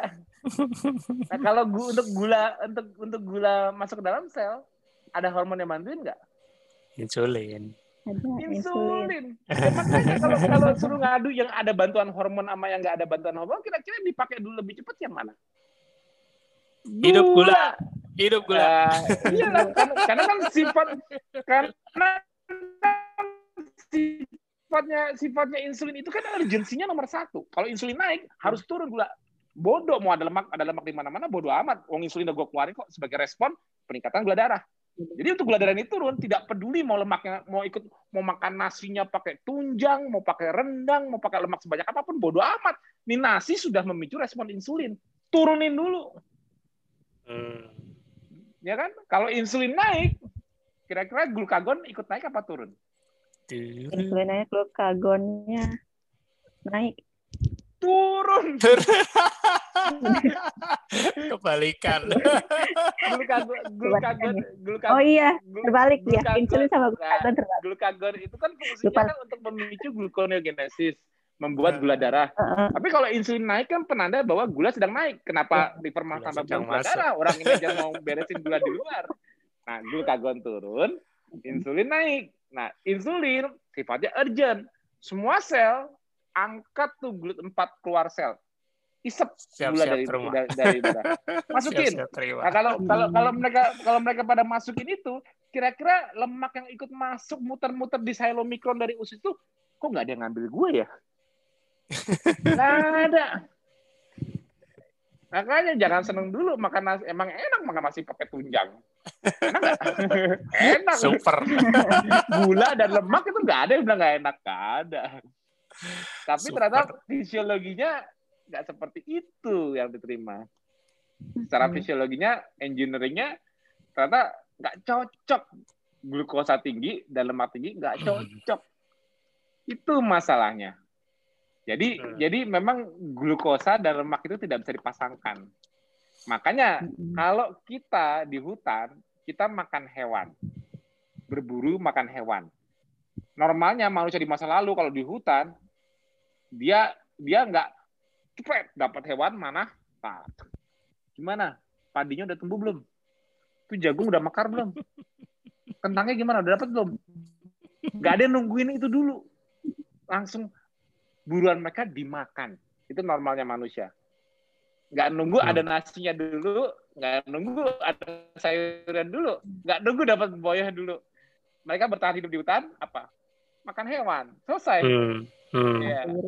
Nah dulu belum ada kerupuknya nih. Nah dulu gue belum jadi Indomie-nya. Sekarang kan ribet manusia. Kalau dulu makan ya makan. Orang untuk hidup yang diburu di itu pasti hewan dan dan dunia hewan dijauhkan pemasangannya karena di hewan tuh ada protein dan lemak kalau kita makan hewan dijauhkan dengan pasangannya yaitu apa Hmm. Hmm. karbohidrat terserap atau glukosa karena kalau dicampur di- dicampur dimakan bareng-bareng secara fisiologi substrat kompetisinya lemak kalah Yes. lemak malah jadi akumulasi di dalam sel nanti. Karena begitu begitu glikolisisnya jalan menjadi pirufat masuk menjadi asetil CoA. Akhirnya asetil CoA-nya kelebihan malah keluar jadi sitrat.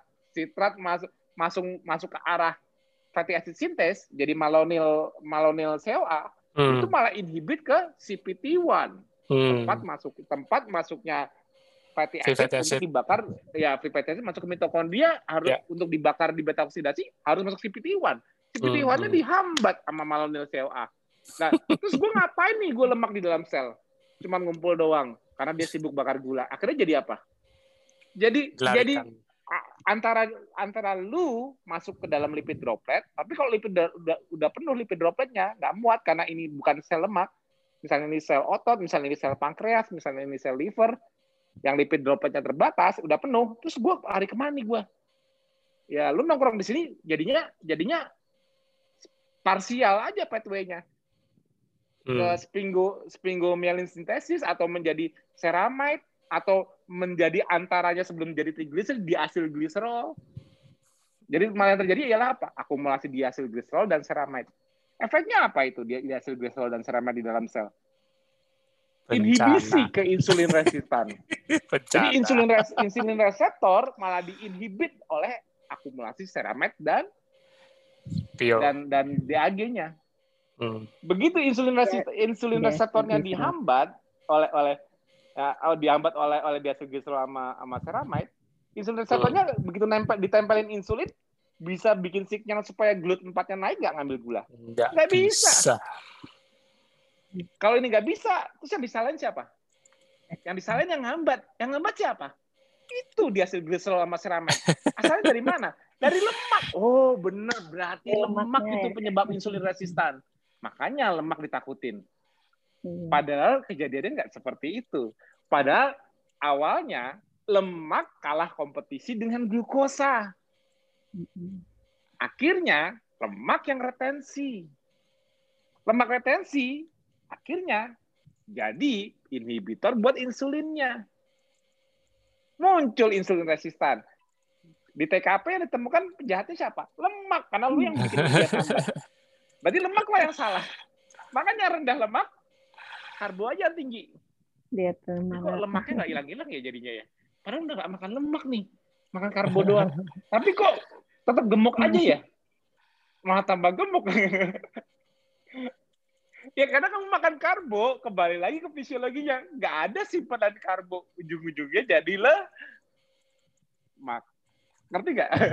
iya. Ngerti nggak sih fisiologi kayak gini? Kalau pakai Ya. fisiologi kayak gini, kalau pakai fisiologi kayak gini, semua terang benderang kan. Orang Ya. heboh di sana bahas cek-cek Iya, makanan. Kita kita yang orang teknikal cuma ketata doang. Ini orang ngomongin nasi, bagusan nasi merah, bagusan nasi hitam, bagusan bagusan ayam hijau, ayam hitam serah deh. Tubuh kita nggak kenal nama makanan. Yang tahu nama Ya. makanan itu yang yang tentang tahu makanan itu cuman kepala kita dan mata kita. Oh, itu ayam, oh itu nasi. Ini yang kita ributin. Iya. Begitu diserap ke usus, tubuh cuma tiga kenal tiga makronutrisi. Antara itu glukosa, antara Asam itu amino. acid, asam amino, Asam atau itu fatty acid. Hmm. Nah, cuma itu doang.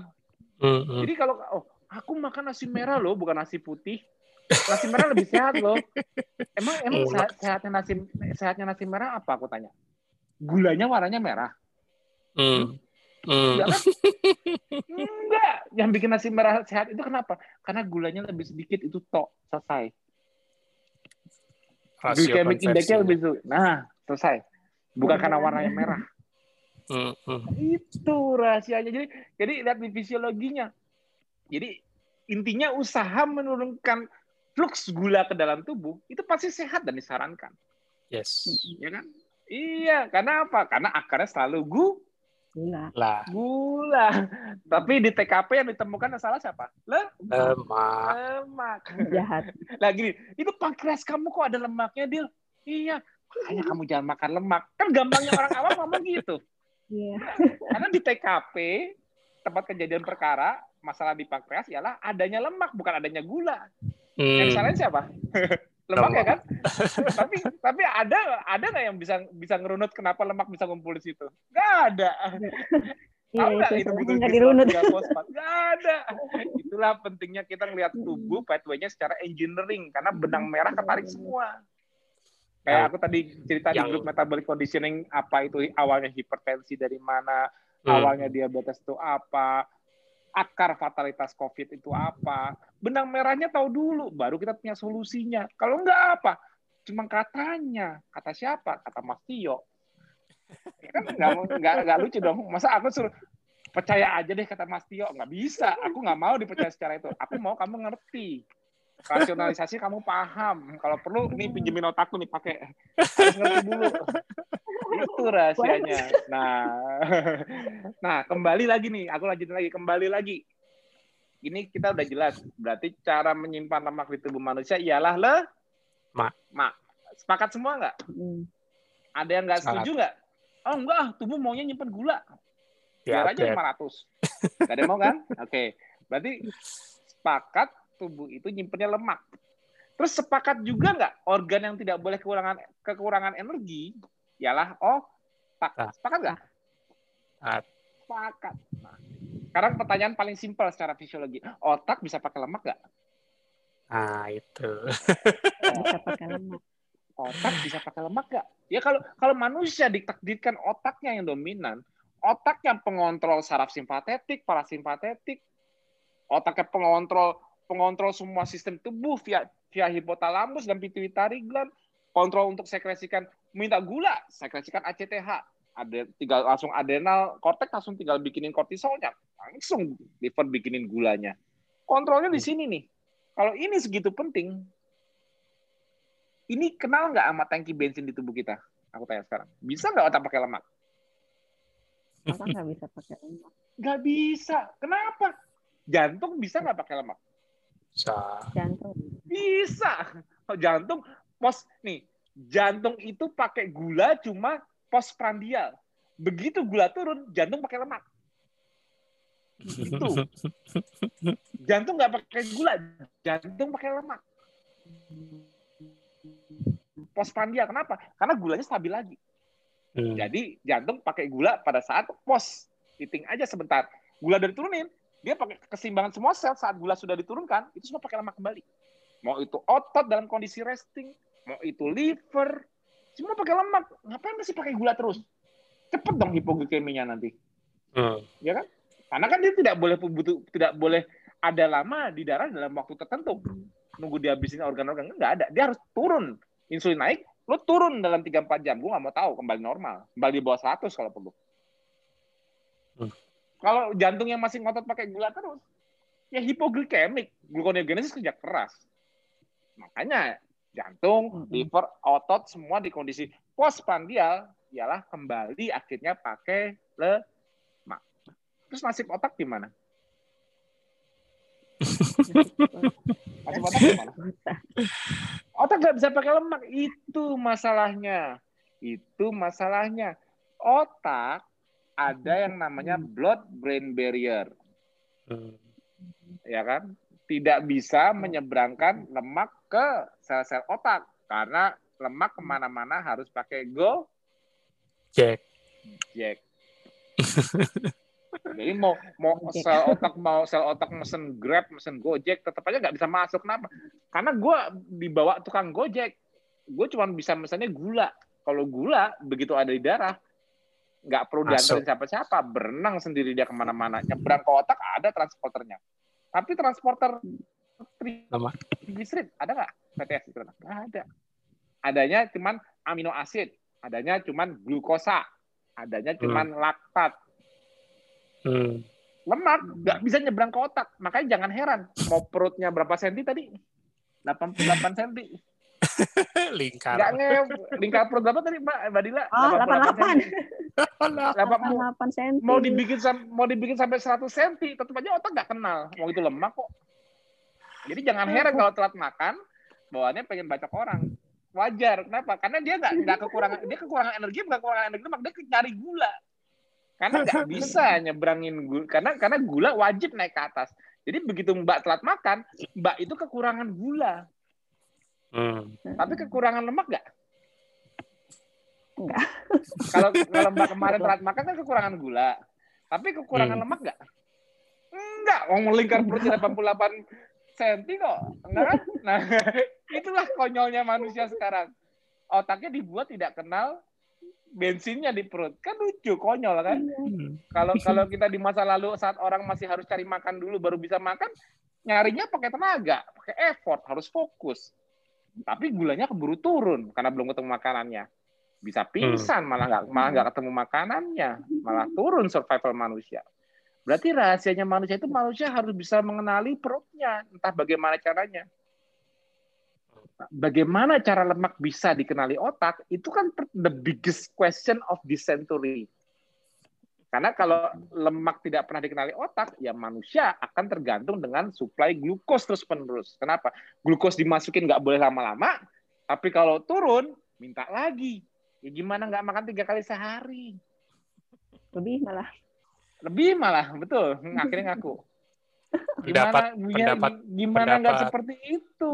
Pendapat para Karena- peserta karena- TFA bilangnya otaknya digule aja, Mas. Ya. Kanibal tuh. Masa otak manusia digule? otak Mbak Dila ini pinter loh. Kelas radiologi, enak aja digule. Jangan. Sebelum nama gule otak sapi aja deh agak-agak. Kalau sapi kan bodoh. Gule aja. Kalau Mbak Dila jangan. Mbak Dila lagi, Mbak Dila otaknya lagi buat gresep ilmunya dulu nih hari ini. Nah, lagi mencerna. jadi jadi jadi ya. jadi jadi karena pilihannya itu cuman trans anggap aja sebetulnya transporternya banyak ada transporter ion transporter macam-macam di blood tapi yang dominan Hmm. itu transporter untuk bahan baku yang begitu ada transporter glukosa ada Ah. transporter amino asid Hmm. ada Hmm. transporter laktat Hmm. kalau glukosa Hmm. tergantung oleh makanan. Setuju? Benar nggak? Kalau kalau dalam jendela nggak makan, kalau kalau transporter glukosa bisa mentransport kalau dia sudah memasukkan glukosa. Setuju? Oke. Hmm. Kalau glukosa makin turun, ya transporter ini bakal jarang mentransportkan glukosanya. Sekarang transporter amino asid sama. Amino asid atau protein juga di jendela puasa justru malah dipertahankan. Ya kan? Berarti amino asid juga akan dominan ditransport ke blood barrier ya setelah makan. Ya kalau nggak makan gimana? Oke? Nah, jadi glukosa dan amino asid bukan bahan bakar otak saat belum makan. Saat belum makan ya. Hmm. Karena kan eksisnya dia dan makin menurun, benar nggak? Kalau kita makin nggak makan, level amino asid makin meningkat, gula makin meningkat apa makin turun? Ya kan? Ya. Benar nggak? Betul. Nah, ya kalau kita makin lama nggak makan, yang meningkat di darah apa? Lemaknya, lipolisis. Hmm. Hmm. Benar nggak? Lipolisis, glukagon naik. Benar nggak? Hmm. Gluconeogenesis, lipolisis naik, itu meningkat, kan lemak yang beredar. Tapi Hmm. lemaknya nggak ada yang bisa nyebrang ke otak nih. Nah, Hmm. pilihan ketiga, pilihan ketiga ialah transporter laktat. Nah, ingat nggak? Laktat ini hasil metabolismenya apa? Glukosa. Hmm. Laktat ini bisa meningkat kalau utilisasi dari glukosa di sini parsialnya menjadi laktat, contohnya oleh sel darah merah, itu bisa dipakai, bisa nyebrang kotak, laktat bisa dipakai sebagai sumber energi.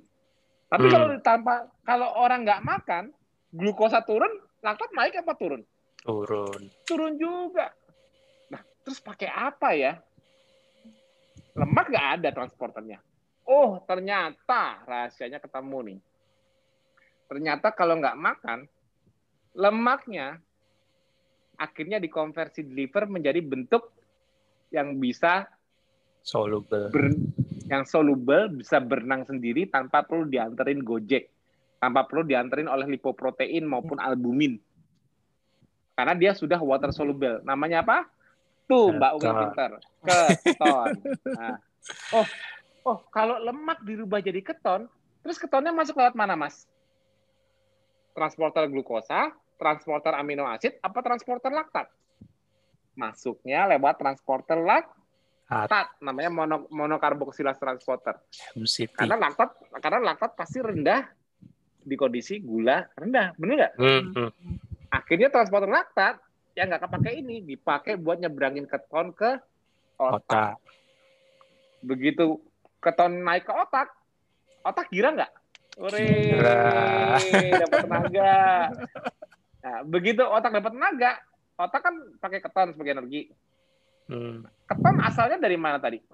Lemak Lemak. Lemaknya dari mana tadi? Dari perut pipi paha.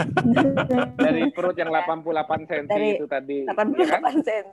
Perut 88 cm di lemak yang tadi nggak dikenal otak, tapi setelah menjadi keton dulu, otak kenal nggak? Kenal. Nah, sekarang udah berapa senti aku nggak tahu, tapi kemarin habis sama otaknya. Iya. Makanya dari kemarin nggak cepat lapar. Bener nggak? Di, Makanya kemarin diborong. udah nggak baperan lagi, nggak makan itu jadi gampang, craving juga turun. Iya. Kenapa? Ah, benar. Karena otaknya sebagai organ terpenting pengontrolnya, sekarang energinya konstan. Nggak ngandelin lemak dari makanan. Nggak makan. Oh lemak di badan gue masih banyak kok, takut amat. Gitu. Hmm. Itu Diborong. rahasia rahasia dari ketosis, bukan diet keto. Oh. Nah, kalau diet keto apa? Biar kurus. Salah. Ketosis apa? Fisiologi manusia yang sebenarnya. Hmm. Karena tanpa ketosis, otak tidak kenal dengan lemak di badan. Karena lemak tidak bisa nyebrang ke otak. Dan lemak ialah cara menyimpan bahan bakar di tubuh. Betul nggak? Sekarang siapa yang bisa bantah itu kalau udah ada benang merahnya? Selama tidak ada keton, berarti tidak ada penerjemah lemak ke otak. Selesai. Tidak ada penerjemah yang membuat tangki bensin bisa dikenali oleh CPU utama. Itu rahasia ketosis mengembalikan metabolisme primer manusia, yaitu kembali mengenali bahan bakar di dalamnya. Makanya kita kembali memiliki metabolic flexibility. Siapa? Kita fleksibel. Mangan orang mangan, sing penting ngumpul. Itu kan apa bahasa Jawa. Ya, ada nggak sih kayak gitu? Bener ada ya? Benar. Bener, oke. Udah pintar. Sekarang- berarti. Mangan orang mangan, keep powerful. Itu dong. Keep Mangan fokus. orang mangan ketone sih ono. Nggak ada masalah. Mangan orang mangan, Ketone ono. otak tidak pernah turun energinya. Siapa bilang harus lemak dari makanan? Lemak dari badan bisa kok. Kalau ini pakai glukosa, bener, harus disuplai terus dari luar. Tapi kalau ini sudah pakai keton, mangan orang mangan, aku rapopo. Betul. Itulah survival yang meningkat. Itulah kenapa aku bilang jangan pikirin makanan dulu deh. Jalanin dulu 3-4 minggu KF-nya. Tanya lagi nanti, masih pengen nasi nggak? Masih ketagihan kue? Nggak. Aduh, aduh aku nggak bisa, Dil. Aku masih pengen makan risol. Nggak bisa, Dil. Aku pengen pempek. Nggak bisa kayak lu. Karena Kakao. mereka belum men- karena mereka belum mencoba. Hmm. Karena mereka belum mencoba. Coba. Di, di sini di sini directionnya masih gila. Gua aja nggak ketemu duren sebulan aja kangen banget. Ini gila udah tiga bulan nggak pernah makan nasi. Mana bisa gua kayak dia. Jadi seakan seakan-akan kita itu kerja keras, seakan-akan kita itu kayak aku nih, aku udah udah mau 12 tahun. Mas Jo itu kuat banget ya. Hampir 12 tahun kok kuat ya ada mie dok-dok lewat nggak manggil lagi kayak dulu. Kok kuat ya lewatin Dunkin Donat. Kok kuat ya ngeliatin tukang nasi uduk santai aja. Padahal itu semua mantan terindah betul. Serius, dulu aku nggak bisa nggak mau aku nggak mau start apa apa nggak mau nggak mau bikin kerjaan kalau belum ada nasi uduk di mejaku pagi-pagi. Nasi uduk mana? Uduk mana? Gorengannya udah ada belum? Kerupuknya dilebihin nggak? Ya taruh. Tiap pagi harus ada nasi uduk dulu baru aku mau mikir mau ke mana kita? Mau ada proyek di mana nih? Mau ngejar tender di mana? Baru mikir nasi uduk dulu. Kan baru bisa mikir. Itu ini itu energi eh, energenku itu nasi uduk dulu energen kalau mau ngemil mampir. Ya udah donat favoritku udah taruh beli donat. Dua lusin atau selusin taruh di mobil. Udah mau ke mana nih? Mau ke Nissan Bukit Indah? Sana. Mau ke mana nih? Mau ya kalau aku, aku kan aku kan bisnis cat jadi aku kan ke pabrik-pabrik mobil. Mau ke Honda mana? Ada langsung tak tiga sambil jalan di mobil nyemil. Oh udah makan donat. Ah, seperti itu. Sampai di sana customer ngobrol di Padang aja yuk. Yuk makan udah traktir customer. Sebetulnya nanti customer bilang, Pak beretin semua tuh. Itu tuh semua di etalase taruh di depan kita semua. Dan kita milih sendiri. Makan otak tunjang apa nasinya tambah tambah lagi nasi. Rendang. Itulah. Kalau dulu aku disuruh ada kalau anggapnya tuh anggap aja dulu dulu dulu 11 12 tahun yang lalu aku ada Mbak Dila di sebelahku. Mbak Dila udah keto bilang gitu. Ih nggak bisa deal gue gue aja makannya masih makan padang nasinya nambah. Orang gue aja masih makan daging donat sama. Lah kok aku bisa seperti sekarang? Karena apa? Karena aku tidak lagi kehilangan energi di otak. Karena dengan otakku kenal lemak di badan aku bukan pecandu makanan lagi. Hmm. aku sekarang makan untuk lagi. hidup bukan hidup untuk makan. Itu rahasianya. Perbaiki dulu fisiologinya. Kamu gemuk banget. Kok nggak olahraga? Ya besok olahraga. Tapi mau olahraga tuh kayaknya kepaksa banget. Kenapa? Makan karena kayak nggak ada karena karena nggak ada energi. Bener nggak? Mungkin mbak Dila dulu kalau mau olahraga kayak kalau bilang aduh gemuk nih pengen olahraga tapi kayaknya mau Males. usaha itu males. Iya. males gak sih? Bener gak sih? Nggak kayaknya males kayak nggak ada tenaga gitu ya udah makan pun juga kayaknya aduh ya paling Iya. jajan dikit kayaknya ada Udah udah makan, kekenyangan nah, udah ya, makan udah makan kekenyangan jangan ngantuk gitu Betul, ngaku, ngaku lah. Makanya bilang, kalau orang gemuk semua disuruh olahraga, kalau mereka mau dan mudah menjalankannya, mereka gampang kurus. Ternyata, ternyata menjalankannya aja susah. Betul nggak, Pak? Hmm. Hmm. Nah, Sekarang, Mbak, Mbak, Mbak Dila nggak usah disuruh olahraga dulu. Sekarang Mbak Dila, dari pagi bangun, makannya nanti baru jam 12. Dari jam melek sampai jam 12 itu Mbak Dila kayak orang nggak bisa diem nggak? Eh, kerja mas Iya kan, maksudnya kayak ada tenaga lebih kan? Kayak Iya. kayak ada ada Heeh. energi lebih kayak kayak mau dibawa olahraga pun ayo. Bener nggak? iya maksudnya eh, tidak lesu nggak ada nggak ada Tidak ngerasa lesu gitu maksudnya Hmm. maksudnya ada semangat gitu untuk di- aktivitas Iya. fisiknya di, kayak dikasih tenaga dari dalam. Iya. Nah, Kalau udah di, kalau fisiologi kita sudah mendukung kita untuk bisa aktif fisik, mendukung kita untuk bisa menunda makan atau mengurangi makan, itu baru bisa menjalankan sebagai gaya hidup. Kalau kalau cuma disuruh gaya hidup yang sehat ialah olahraga, makan dikurangin diet, baru sehat. Tapi ternyata fisiologinya belum mendukung untuk melakukan itu semua. Nggak bisa jadi gaya hidup, itu bisa jadi diet. Berapa lama ya gue harus diet kayak gini ya? Nanya terus. Karena gue harus dipaksa olahraga, karena gue harus dipaksa ngurangin Ya, makan, benar. karena gue masih lapar. Ini betul ini diet. Nah kalau Mbak ngerasa diet nggak? itu pernah tuh saya kayak gitu Dan sekarang tiga bulan KF ini, tiga bulan KF ini ngerasa diet nggak? Kok ini diet apa diet sih?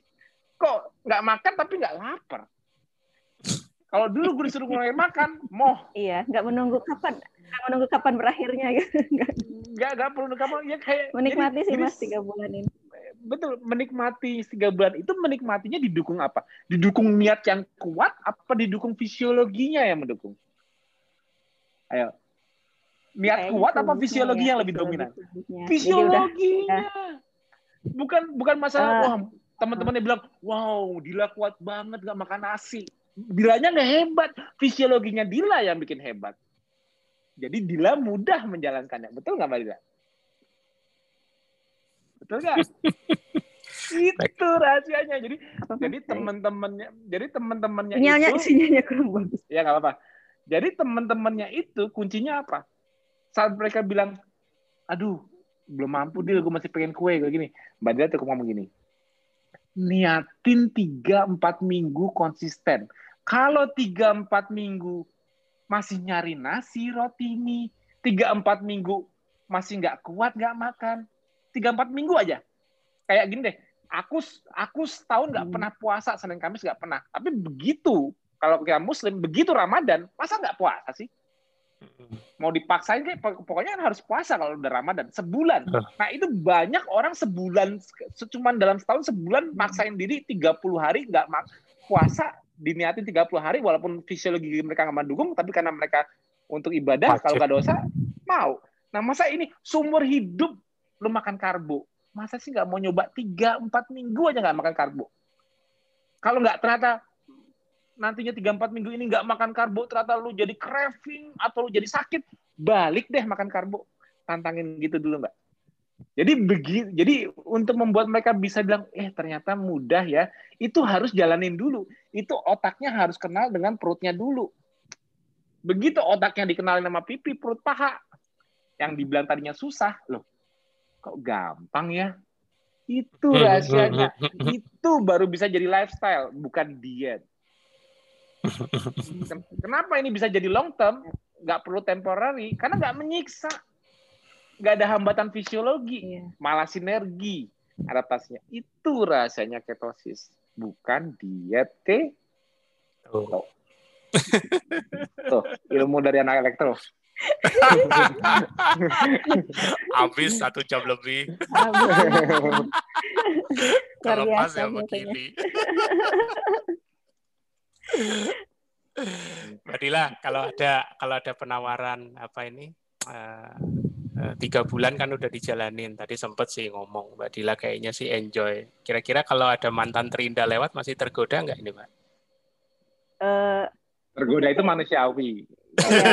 kalau kalau kalau itunya mungkin wah kayak saya sih tetap eh, apa oh ya wahnya aja. Cuma mungkin kalau untuk makannya juga nggak ini ya nggak terlalu kalau so far sih lewat-lewat aja. Walaupun misalkan ada yang lagi makan depan gitu kan eh, biasa aja gitu biasa aja karena saya Ah. sudah bisa bikin misalnya kayak kue sih sebenarnya terutama saya ke kalau misalkan ada kue gitu saya sudah bisa bikin sendiri sudah lah gitu Hmm. jadi nggak ini Iya. nggak apa namanya nggak terlalu mata. tergoda ya kalau misalkan Mata itu memang suka membuat ilusi. Gitu. bener-bener Ya kan? Mata itu Daripada- membuat ilusi aja. daripada nanti nyesel gitu langsung soalnya kan Iya. saya pernah tuh kemarin itu kemakan eh, beli beli jadi gitu kan kan rasanya Hmm. tuh manis kayaknya gulanya banyak saya langsung ini mencret gitu jadi nggak mau Ya, lagi pasti karena Hmm. ya nggak apa-apa. Justru juga justru, justru malah aku bilang sekarang malah bagus bagusnya itu tuh Mbak Ucus bilang tergoda itu manusiawi. Iya tergoda. Orang orang orang kita aja yang udah pada merit ada cewek cantik aja bohong kalau nggak. Nah, Eh, kan, tapi kita kan cuma kita kan cuma gini doang. Nih, tergoda tak lurus lagi. Iling, iling, Dora Eling. intinya, intinya, intinya jangan Dora Eling. Lirik itu manusiawi. Lirik Mudah-mudahan nanti mudah-mudahan nanti pas lagi Dora Eling. pas lagi musim duren saya tetap kuat Iya. lagi musim duren itu depan rumah sakit itu banyak Nah, gini aja. Anggap anggap anggap aja yang yang jual durian itu artis Korea. Ah, daripada liatin durian, gue ngeliat artisnya Koreanya aja deh. kan suka drakor kan. tapi kan tapi kan artis Korea nggak disamperin diembat kan, enggak kan? Enggak. Gitu aja. dilihatin aja Kalau diliatin aja kan udah cukup gitu. Eling, eling, eling. Tapi kalau ada yang nawarin Gitu balik lagi juga udah nggak kepengen ya, maksudnya bukan balik konsumsi, cuman eh, balik lagi ke pola dulu, kayaknya udah enggak lah. Kayaknya ini bakal bakal lewat dari tiga bulan bahkan lebih dari enam bulan ya mbak ya. mudah-mudahan semoga sih makanya eh, apalagi kalau di udah udah gabung di komunitas terus belajar gitu kan uh, walaupun dikit-dikit ya belajar itu sedikit demi sedikit demi sedikit gitu pahamnya gitu kadang-kadang lupa gitu. tapi uh, istilahnya kebuka lah gitu nggak cuman nggak cuman eh sekarang ini makanya begini-begini nggak cuma kayak gitu doang gitu kan kalau uh, istilahnya basicnya itu kan udah udah oh tahu kenapa harus begini kenapa kita harus hmm. ya, ya. makanya ini. makanya nah lebih betul kuat itu sih. Nah, makanya gini, makanya Mbak itu bagusnya gini, Mbak itu makanya kenapa kenapa aku sama Mas Budi itu selalu mengadakan TFH, SFH, itu apa? Itu ladang ilmu. Kenapa? Yang membuat kita makin konsisten ialah kalau kita makin yakin dengan gaya hidup kita. Untuk makin hmm. yakin, kita harus makin pintar. Artinya kita hmm. ngerti fisiologinya. Kalau Mbak di dalam punya kapasiti untuk belajar nakes. Terus dalamin. Jadi gini, justru kayak contohnya gini, Mas Piprim, Mas Kob, Dokter Piprim, Dokter Kobal, Dokter Eka, Dokter Azarul, itu dulunya juga juga kalau kalau suruh belajar sampai habis tapi belum pernah ngejalanin dia nggak bakal bisa. Begitu hmm. dia ngejalanin KF-nya, menggali ilmunya jadi gelasnya kosong, terimanya lebih cepat, malah belajar lebih jauh, malah bisa ngerti ini itu. Gitu awalnya para nakes di KF itu cara mereka kalau mau kalau mereka mau paham fisiologi ketosis sebenarnya, fisiologi kenapa fasting itu mudah ketosis itu kipernya, itu mereka sambil jalanin, sambil ngerasain gelasnya kosong, jadi wah bisa belajar macam-macam yang tadinya belum tahu ilmunya dia kebuka semua, fisiologinya jadi, jadi terang benderang, jadi bisa hmm. jelasin ke orang lain juga. Hmm. Itu rahasianya. Sampai ada nggak orang pinter KF ngerti semua fisiologi kayak di KF gini, tapi dia nggak pernah jalanin KF? Ada nggak? Aku pengen tahu. Ada nggak? Nggak ada. yang belum KF itu, yang belum KF itu justru malah anti KF. Kenapa? Karena mereka lihat, ih, yang bener nih, yang dimakan kayak gini. Gitu loh. Bener nggak? Bener. Karena mereka ngerasa di badannya belum. Kalau mereka belum ngerasa di badan, jangan-jangan tuh lemaknya ngumpul di liver semua itu yang dimakan mereka. Jangan-jangan tuh lemaknya ngumpul di pankreas semua yang dimakan mereka.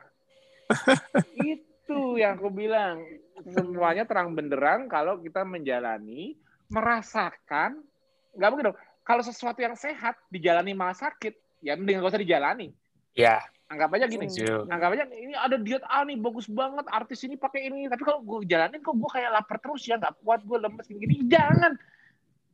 Mau dia mau hmm. artisnya jadi kurus kayak, ternyata kok gue coba gue lemes terus, gak ada tenaga, bawaannya lapar terus, kehilangan energi di otak.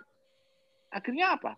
Akhirnya fisiologinya nggak mendukung untuk mengurangi makan.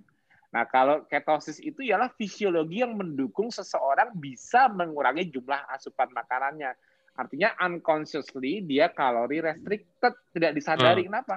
Hmm. Wong, wong aku butuhnya, wong manusia normal butuhnya 2000 kalori sehari kok. Kalau kamu terlalu kurang, ya kamu kekurangan energi. Ya betul. Nah, terus kalau orang di KF kok bisa makan cuma sekali sehari nggak kekurangan energi? Karena kalorik equilibriumnya, keseimbang kalorik equilibriumnya tidak mengandalkan exocentric hanya dari luar. Ya. Karena tubuhnya totally fat burning mode, artinya mengenali semua sumber yang di dalam kurang dari total anggapnya sehari butuh BM, dari dihitung dari basal metabolic rate-nya ditambah sama total daily expenditure-nya ketemunya kebutuhan 2200 kalori. Bodoh amat 2200 kalori makan cuma 1000 kalori. 1200-nya hmm. emang apa susahnya ngambil dari dalam? Wong otak ya. juga bisa udah ngambil lemak kok. Kecuali kalau ya. otak belum kenal. Ya 1002 kekurangan 1200 kalori ya otaknya yang teriak. Karena sebagian kan sebagian dari itu kan otak juga minta. Hmm. Otaknya nggak hmm. kuat. Hmm. Ya, karena kan kalau kalau dari 1200 kalori yang kekurangan itu otaknya juga minta. Yang diminta emang apa? Lemak. Enggak, gula. Hmm. Gulanya udah nggak ada dari 1200 kalori. Makanya otaknya teriak. Makanya sih terlalu terlalu terlalu rendah kalorinya. Hmm. Sekarang orang di KF kehilangan 6000 kalori alias 2000 kali 3 alias hari. 3 hari nggak makan. Malah lari sana lari sini. Kalorik equilibriumnya ditemukan di mana? Di dalam endosentrik. Yes. Itu rahasianya. Mantap. Mbak Dila, Mbak Dila kan tadi ada uh, apa cerita kalau Mbak Dila dulu sempat memulai dari ketogenik. ya kan jadi ada pengalaman juga dan sempat ada sedikit cerita sampai muntah ya kan uh, aku sih bukan mau nanya muntahnya kenapa tapi ini karena kaitannya ada yang nanya nih uh, kayaknya dari sesama nakes mbak bedanya bedanya ketogenik sama apa sama ketofastosis apa sih nah ini menurut bahasanya mbak Dila aja Tadi sempat sih ngomong ilmiah, tapi mungkin lebih dijelaskan secara bahasanya Mbak Dila sendiri. Monggo Mbak. Iya. Kalau menurut saya sih, kalau diet ketogenik itu eh, apa pola makannya aja gitu ya, lebih ke pola makannya aja yang rendah lemak, eh, moderate eh, protein sama eh tinggi lemak, moderate protein sama rendah karbohidrat gitu kan. Terus eh, di situ kita tidak ada jam puasanya ya kita makan terus tetap dihitung tuh prosentase ada ada disuruh ngitung prosentase karbohidrat, protein sama lemaknya itu gitu kan. Hmm. Uh, ada prosentasenya saya lupa sih uh, karena udah lama ya. Uh, ada berapa persen persennya. Jadi si karbohidrat harian uh, yang kita konsumsi itu sekian sekian sekian gitu. Cuman kalau hmm. pola makannya itu uh, kan kalau di kalau di ketofastosis itu uh, bertahap ya ada adaptasinya ya ada fase induksi fase konsolidasi terus maintenance kalau di sana uh, kalau di ketogenik itu pola makannya aja terus uh, apa nggak ada nggak ada nggak ada uh, pola proses adaptasinya. Jadi kita dari awal itu udah bisa makan uh, sayur gitu kan yang low karbo terus buah-buahan juga kayak gitu. Seperti hmm. itu. Terus kita nggak ada uh, apa namanya nggak ada puasanya sih. Intinya sih nggak ada puasanya. Kalau di ketofastosis itu kan sebenarnya yang dipentingkan itu untuk puasa ya karena dia lebih ke healing ya ke apa tadi kalau puasa itu kan uh, mencetuskan proses otofaginya ya untuk regenerasi sel untuk apa namanya healing juga gitu kan uh, ditambah itu uh, pola makannya ketogenik karena untuk mempertahankan uh, otak gitu ya biar uh, terbentuk keton untuk energi di otak kayak gitu. Mungkin hmm. menurut saya itu Mas Bu.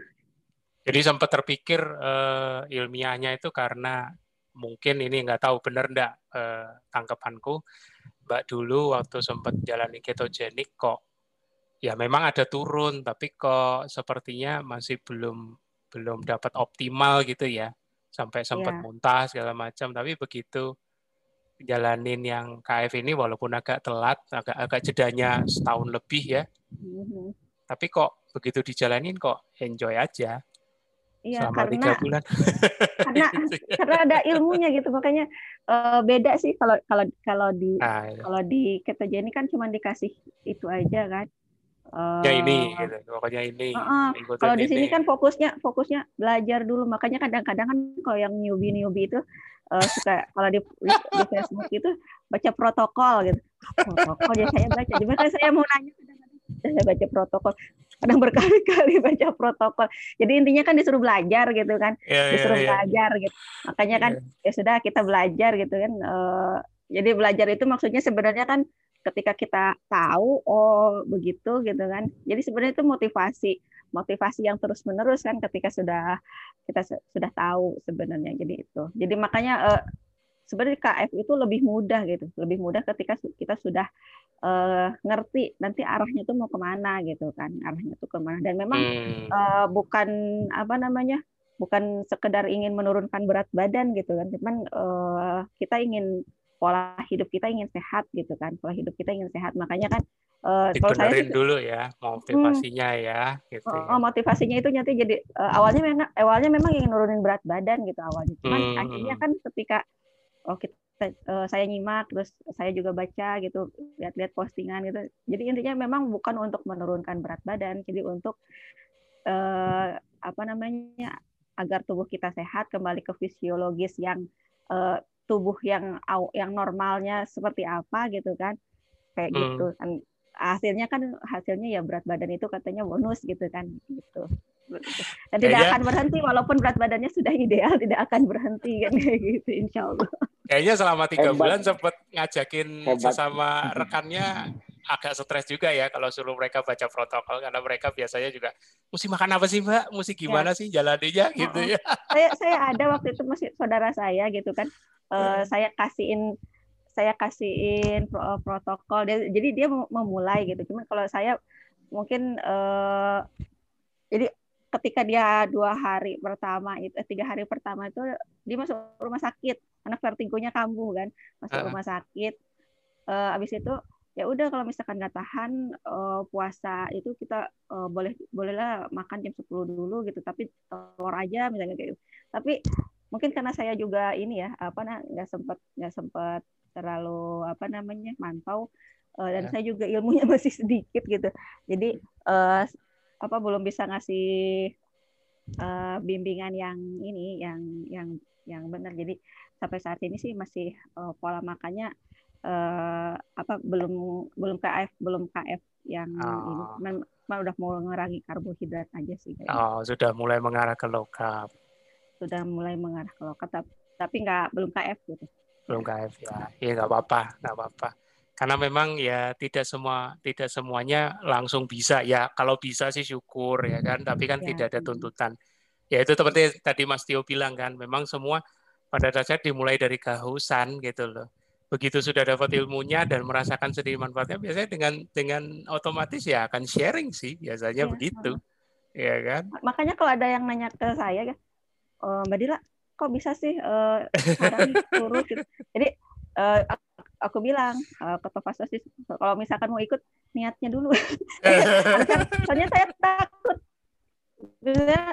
Itu kan bahaya ketika misalkan uh, makannya high fat gitu tapi tiba-tiba akhirnya karena misalnya nggak nggak nggak nekatnya nggak kuat misalnya dia nggak belajar juga gitu. Takutnya hmm. makan lagi gula takutnya malah jadi sakit kan gitu. Jadi kan kitanya gimana gitu kan nggak enak gitu. Sementara uh, kalau untuk ngasih ngasih pendampingan yang itu secara waktu juga saya nggak ingin. Jadi niatnya dulu pelajari dulu lah gitu maksudnya uh, niatnya gimana gitu. Kalau misalkan kira-kira niatnya tuh nggak nggak itu saya masih belum mengenal apa belum menuntun ke KF ya low carb aja gitu. Jangan makan gula jangan makan uh, kalau bisa nasinya palingan saya suruh nasinya separuh piring aja banyakin lauknya dulu gitu kan sayurnya hmm. seperempat. Itu sama sama pasien-pasien juga kayak gitu. Kalau biasanya kan saya kalau lagi USG ya saya ketemu kalau dokter radiologi itu ketemu pasiennya cuma pas USG doang gitu.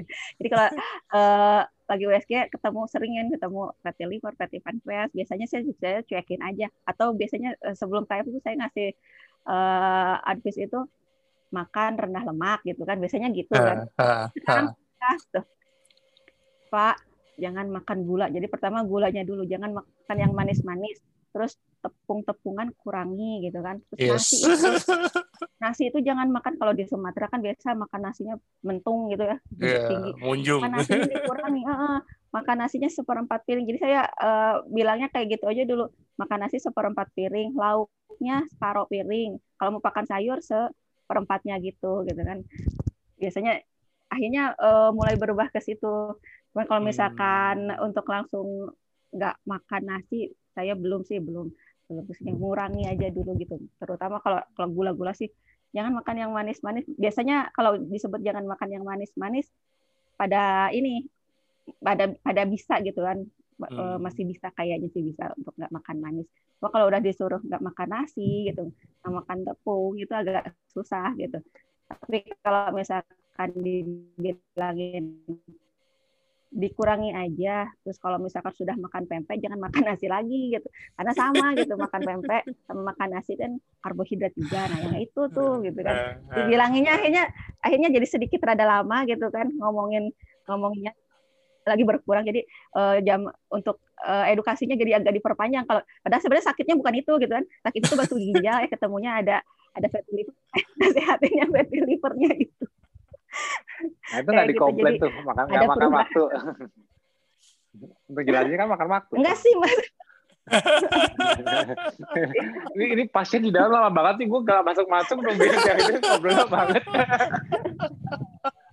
Lihat-lihat situasi, Mas. Lihat-lihat situasi. Lagi bener lebih, lebih mudah lebih mudah langsung ngasih obat dibanding jelasin gaya hidup kan? Iya benar-benar. Tapi kalau kalau gaya hidup udah cemplungin ke komunitas, biar aja dibantu rame-rame. Kalau iya. kerjain sendiri itu susah. Iya, iya. Kenapa? Makan waktu dan sebagainya susah. Makanya karena karena karena apalagi kalau pasien udah ngantri.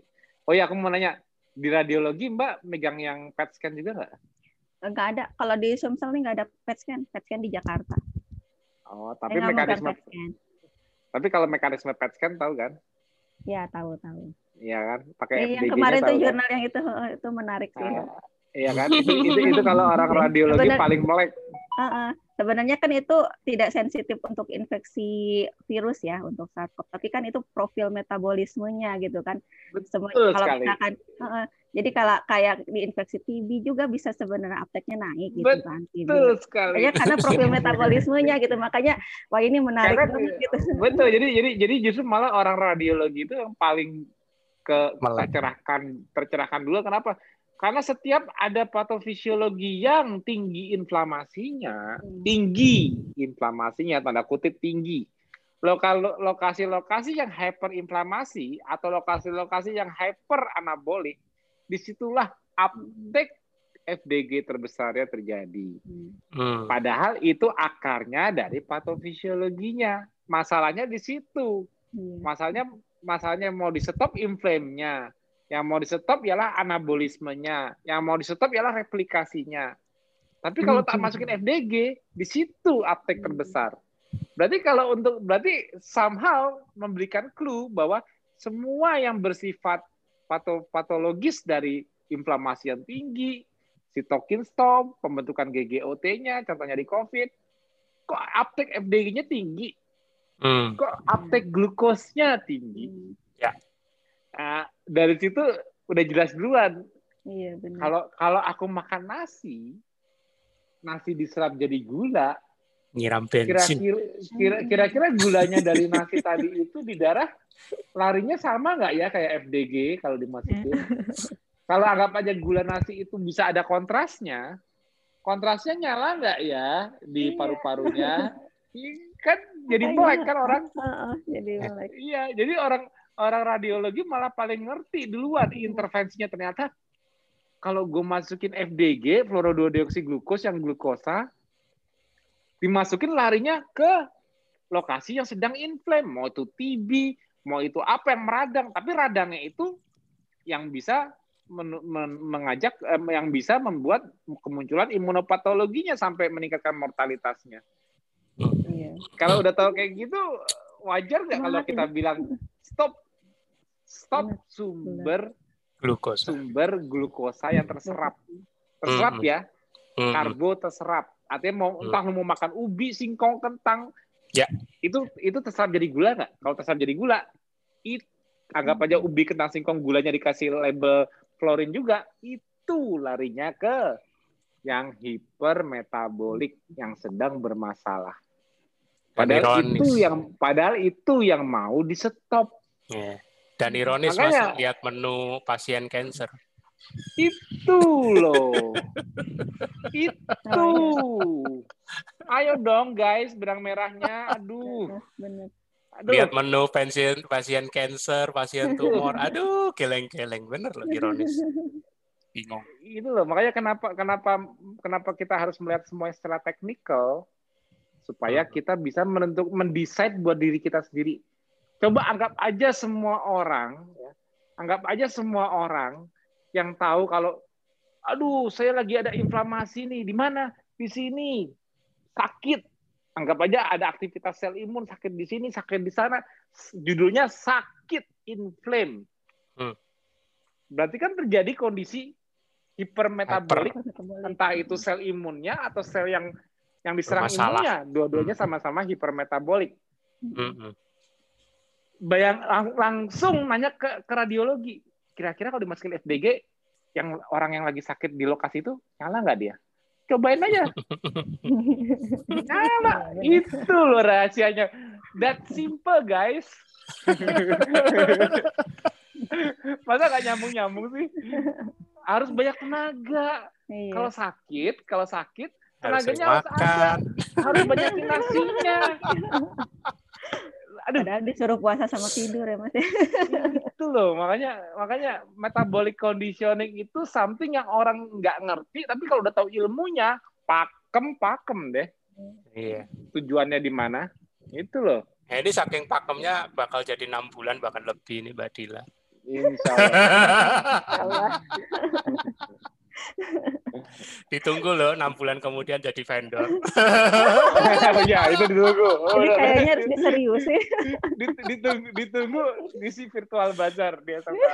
Tapi jujur jujur salut ini ini satu satu langkah antisipasi salah satu warrior ini Mbak Dila ya kan. Jadi sebelum sebelum nanti aku cheating karena kan ngerasain kan sempat ngerasain trauma begitu sempat muntah wah jangan sampai kecolongan lagi jadi udah udah berkreasi dulu, udah tahu resep apa, udah praktek ya kan. Jadi iya. begitu begitu apa jalanin KF ada ada apa ini bempernya ibaratnya kalau kangen ya udah buru-buru pulang. Ya, jangan yang paling jangan dihadapi. kalau aku yakin mas kalau kalau nakes apa ya sebenarnya sih warrior juga banyak ya. Pokoknya kalau oh, warrior ya. yang rajin rajin ikut TFH, SFH, ilmu fisiologinya juga berkembang terus. Ya bagaimanapun juga kan lama-lama warrior kita walaupun non nakes kalau kita siramin hmm. technical terus kan lama-lama ngerti juga iya, iya, iya. Ya kita berdua aja bukan nakes kok. ya kan? Kita aja bisa kenapa? Kenapa kenapa yang lain nggak bisa bisa? Siap, Dan kalau nakes malah yang lebih cepat ngerti lagi, lebih ya. pakemnya lebih kuat lagi. Akhirnya ya. malah mereka yang jadi ujung tombaknya ilmu kita di, di mereka yang nyebarin. Ya. Karena semangatnya karena karena semangatnya orang di KF apa? Makanya orang di KF itu kalau mereka mereka mereka udah merasa sehat, mereka nularin. Mereka pengen ngasih tahu, mereka mau ngajarin. Ya, Cuma-cuma. MLM lewat. mau tawarin poin berapapun mah lewat lewat sama warrior kita semangat semangat bantuinnya apa kalau asal ada yang mau belajar yuk aku ajarin gitu loh hmm. kalau asal mau belajar ya yuk diajarin kalau udah niat hmm. malah benar-benar mau dibantuin Hmm. Gak perlu pakai poin-poinan, gak perlu kapal pesiar.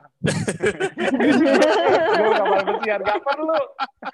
Lihat aja warrior. Gak perlu sharing lihat, kapal pesiar. Lihat aja warrior kita kalau pas lagi ngoceh ngasih tau orang bilang ini orang MLM apa sih KF itu orang udah mikir gitu dulu kenapa karena semangat banget jelasinnya semangatnya itu bukan karena semangat dia mau dapat poin semangat karena dia tahu kebenaran dia merasa sehat dia pengen pengen orang lain tambah sehat juga dia aduh lu diabetes padahal gampang banget masalahnya di sini.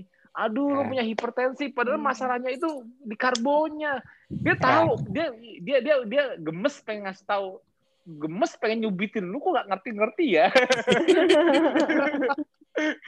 bukan bukan cuman gemes mau nyubitin mas speechless soalnya soalnya ada mindset sampai gini yang namanya sembuh atau sehat itu bisa menikmati menu apa aja itu orang DM loh yang bilang sampai sampai speechless kitanya. Iya kan? Jadi bukan bukan berpikiran sehat itu harus bisa lepas obat. Enggak. Malah berpikiran sehat itu harus bisa makan apa saja, semuanya bisa dimakan. Itu orang DM yang ngomong. Ampun, ya sudah. Belum dapat hidayah. ya iya, habis mau diatakan apalagi bergantung sama obat. Ya sudah. Mas, kita sudah jam 10, monggo oh, iya, closing statement dari Mbak Dila. Ya. Bener kan bener gak? Ngobrol ngobrol nggak ada sama yang gak terasa. Ngobrol, sama, ngobrol Teva sama newbie seru kan?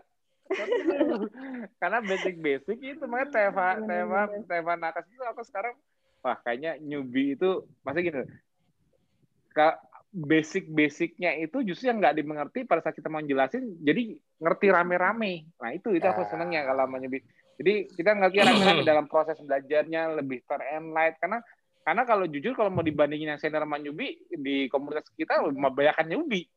Dari hmm. ratusan ribu itu memang kebanyakan senior, kebanyakan newbie, kebanyakan baru belajar, kebanyakan yang masih gagal-gagal. Nah, itu yang harus kita sering motivasi, semangatin, kuatin. Hmm. Dan justru justru insya Allah nih kalau Mbak aktif di grup ya, aktif apa ngikutin TFA, SFA, dengerin terus ya Mbak abis sekarang kan kita dengerin pengalaman Mbak nih. Nanti kita lihat siapa nakes nanti hari Jumat nih dengerin juga pengalaman dia. Karena di setiap pengalaman orang yang cetak itu selalu ada aja ilmu yang bisa dipetik beda-beda. Hmm. nah gitu loh. Makanya hmm. pasti pasti pasti membuat semangat. Ini kayak Mbak Uwi tuh. Mbak Uwi yang yang dulu salah satu narasumber Teva.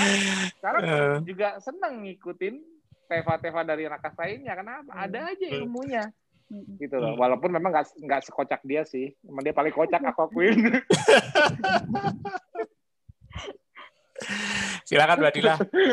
ada pesan buat para newbie, terutama para newbie nakes mungkin yang masih masih mungkin maju mundur cantik dalam pikirannya antara yakin nggak yakin, silakan.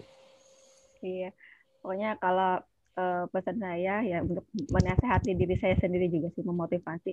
Kita pertama belajar dulu, belajar belajar dulu sih sebenarnya. Ketika kita udah terbuka mata, uh, nggak akan mudah goyah lah gitu, nggak akan mudah goyah. Uh, insya Allah uh, bertahan gitu di pilihan kita gitu. Karena uh, apa? Adapun kalau misalkan keinginan-keinginan kita yang lain itu bisa uh, apa? Bisa ada jalan alternatifnya gitu ya seperti itu. Terus hmm. jangan jangan uh, apa mengunderestimatekan kemampuan diri kita. Jadi kita tidak bisa hmm. kita tidak bisa. Jadi kita harus bisa men-challenge diri kita sendiri gitu ya, ditantang gitu diri sendiri. Kalau bisa kok kayak gitu. Mungkin itu. Kayaknya kayaknya ini yang tadi barusan dimaksud nasi buat orang Palembang.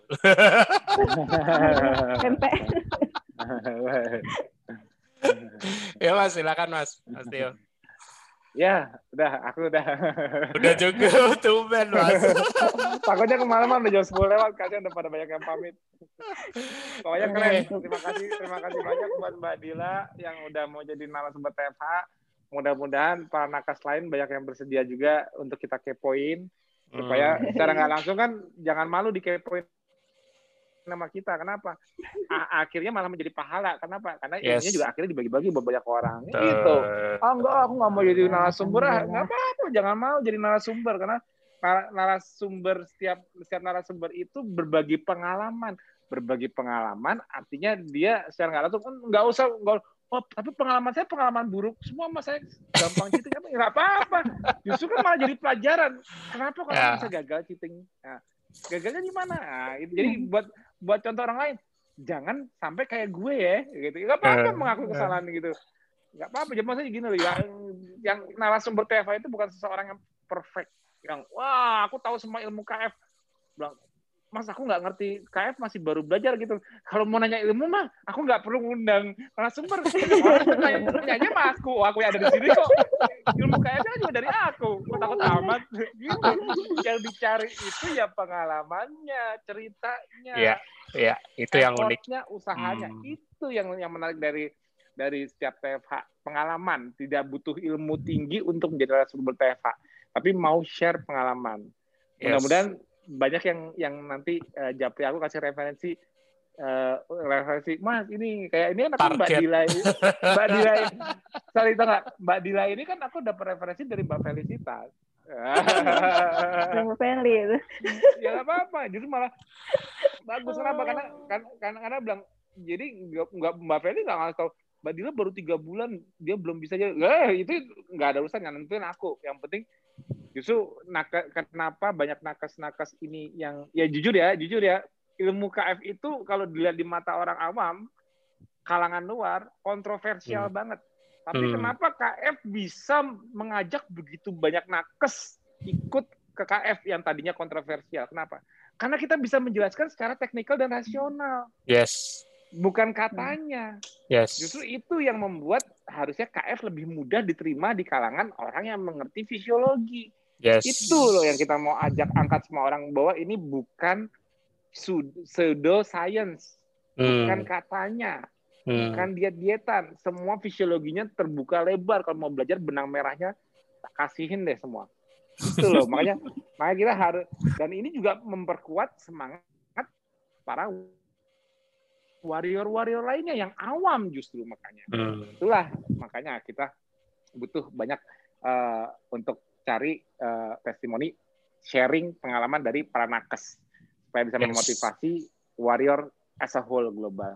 Oke. Okay. Oke, okay, terima kasih Baik. banget ya. Mbak Dila udah Thank you Mas Tio dan juga Mbak Dila. Ya. Uh, jangan lupa teman-teman kita masih ada TFA lagi hari Jumat ya. ya Tunggu pengumumannya dan jangan lupa teman-teman grup WA untuk SFH hari Minggu tanggal 11 Oktober sudah dibuka ya. Pastikan teman-teman stay tune di pengumuman Mas Tio, grup link grup WA1 segera daftar dan kalau sudah penuh akan segera dibuka lagi grup WA ya, kedua. Ya. Oke, teman-teman, begitu. Selamat malam. Kita jumpa lagi di sesi TF, eh, berikutnya hari Jumat.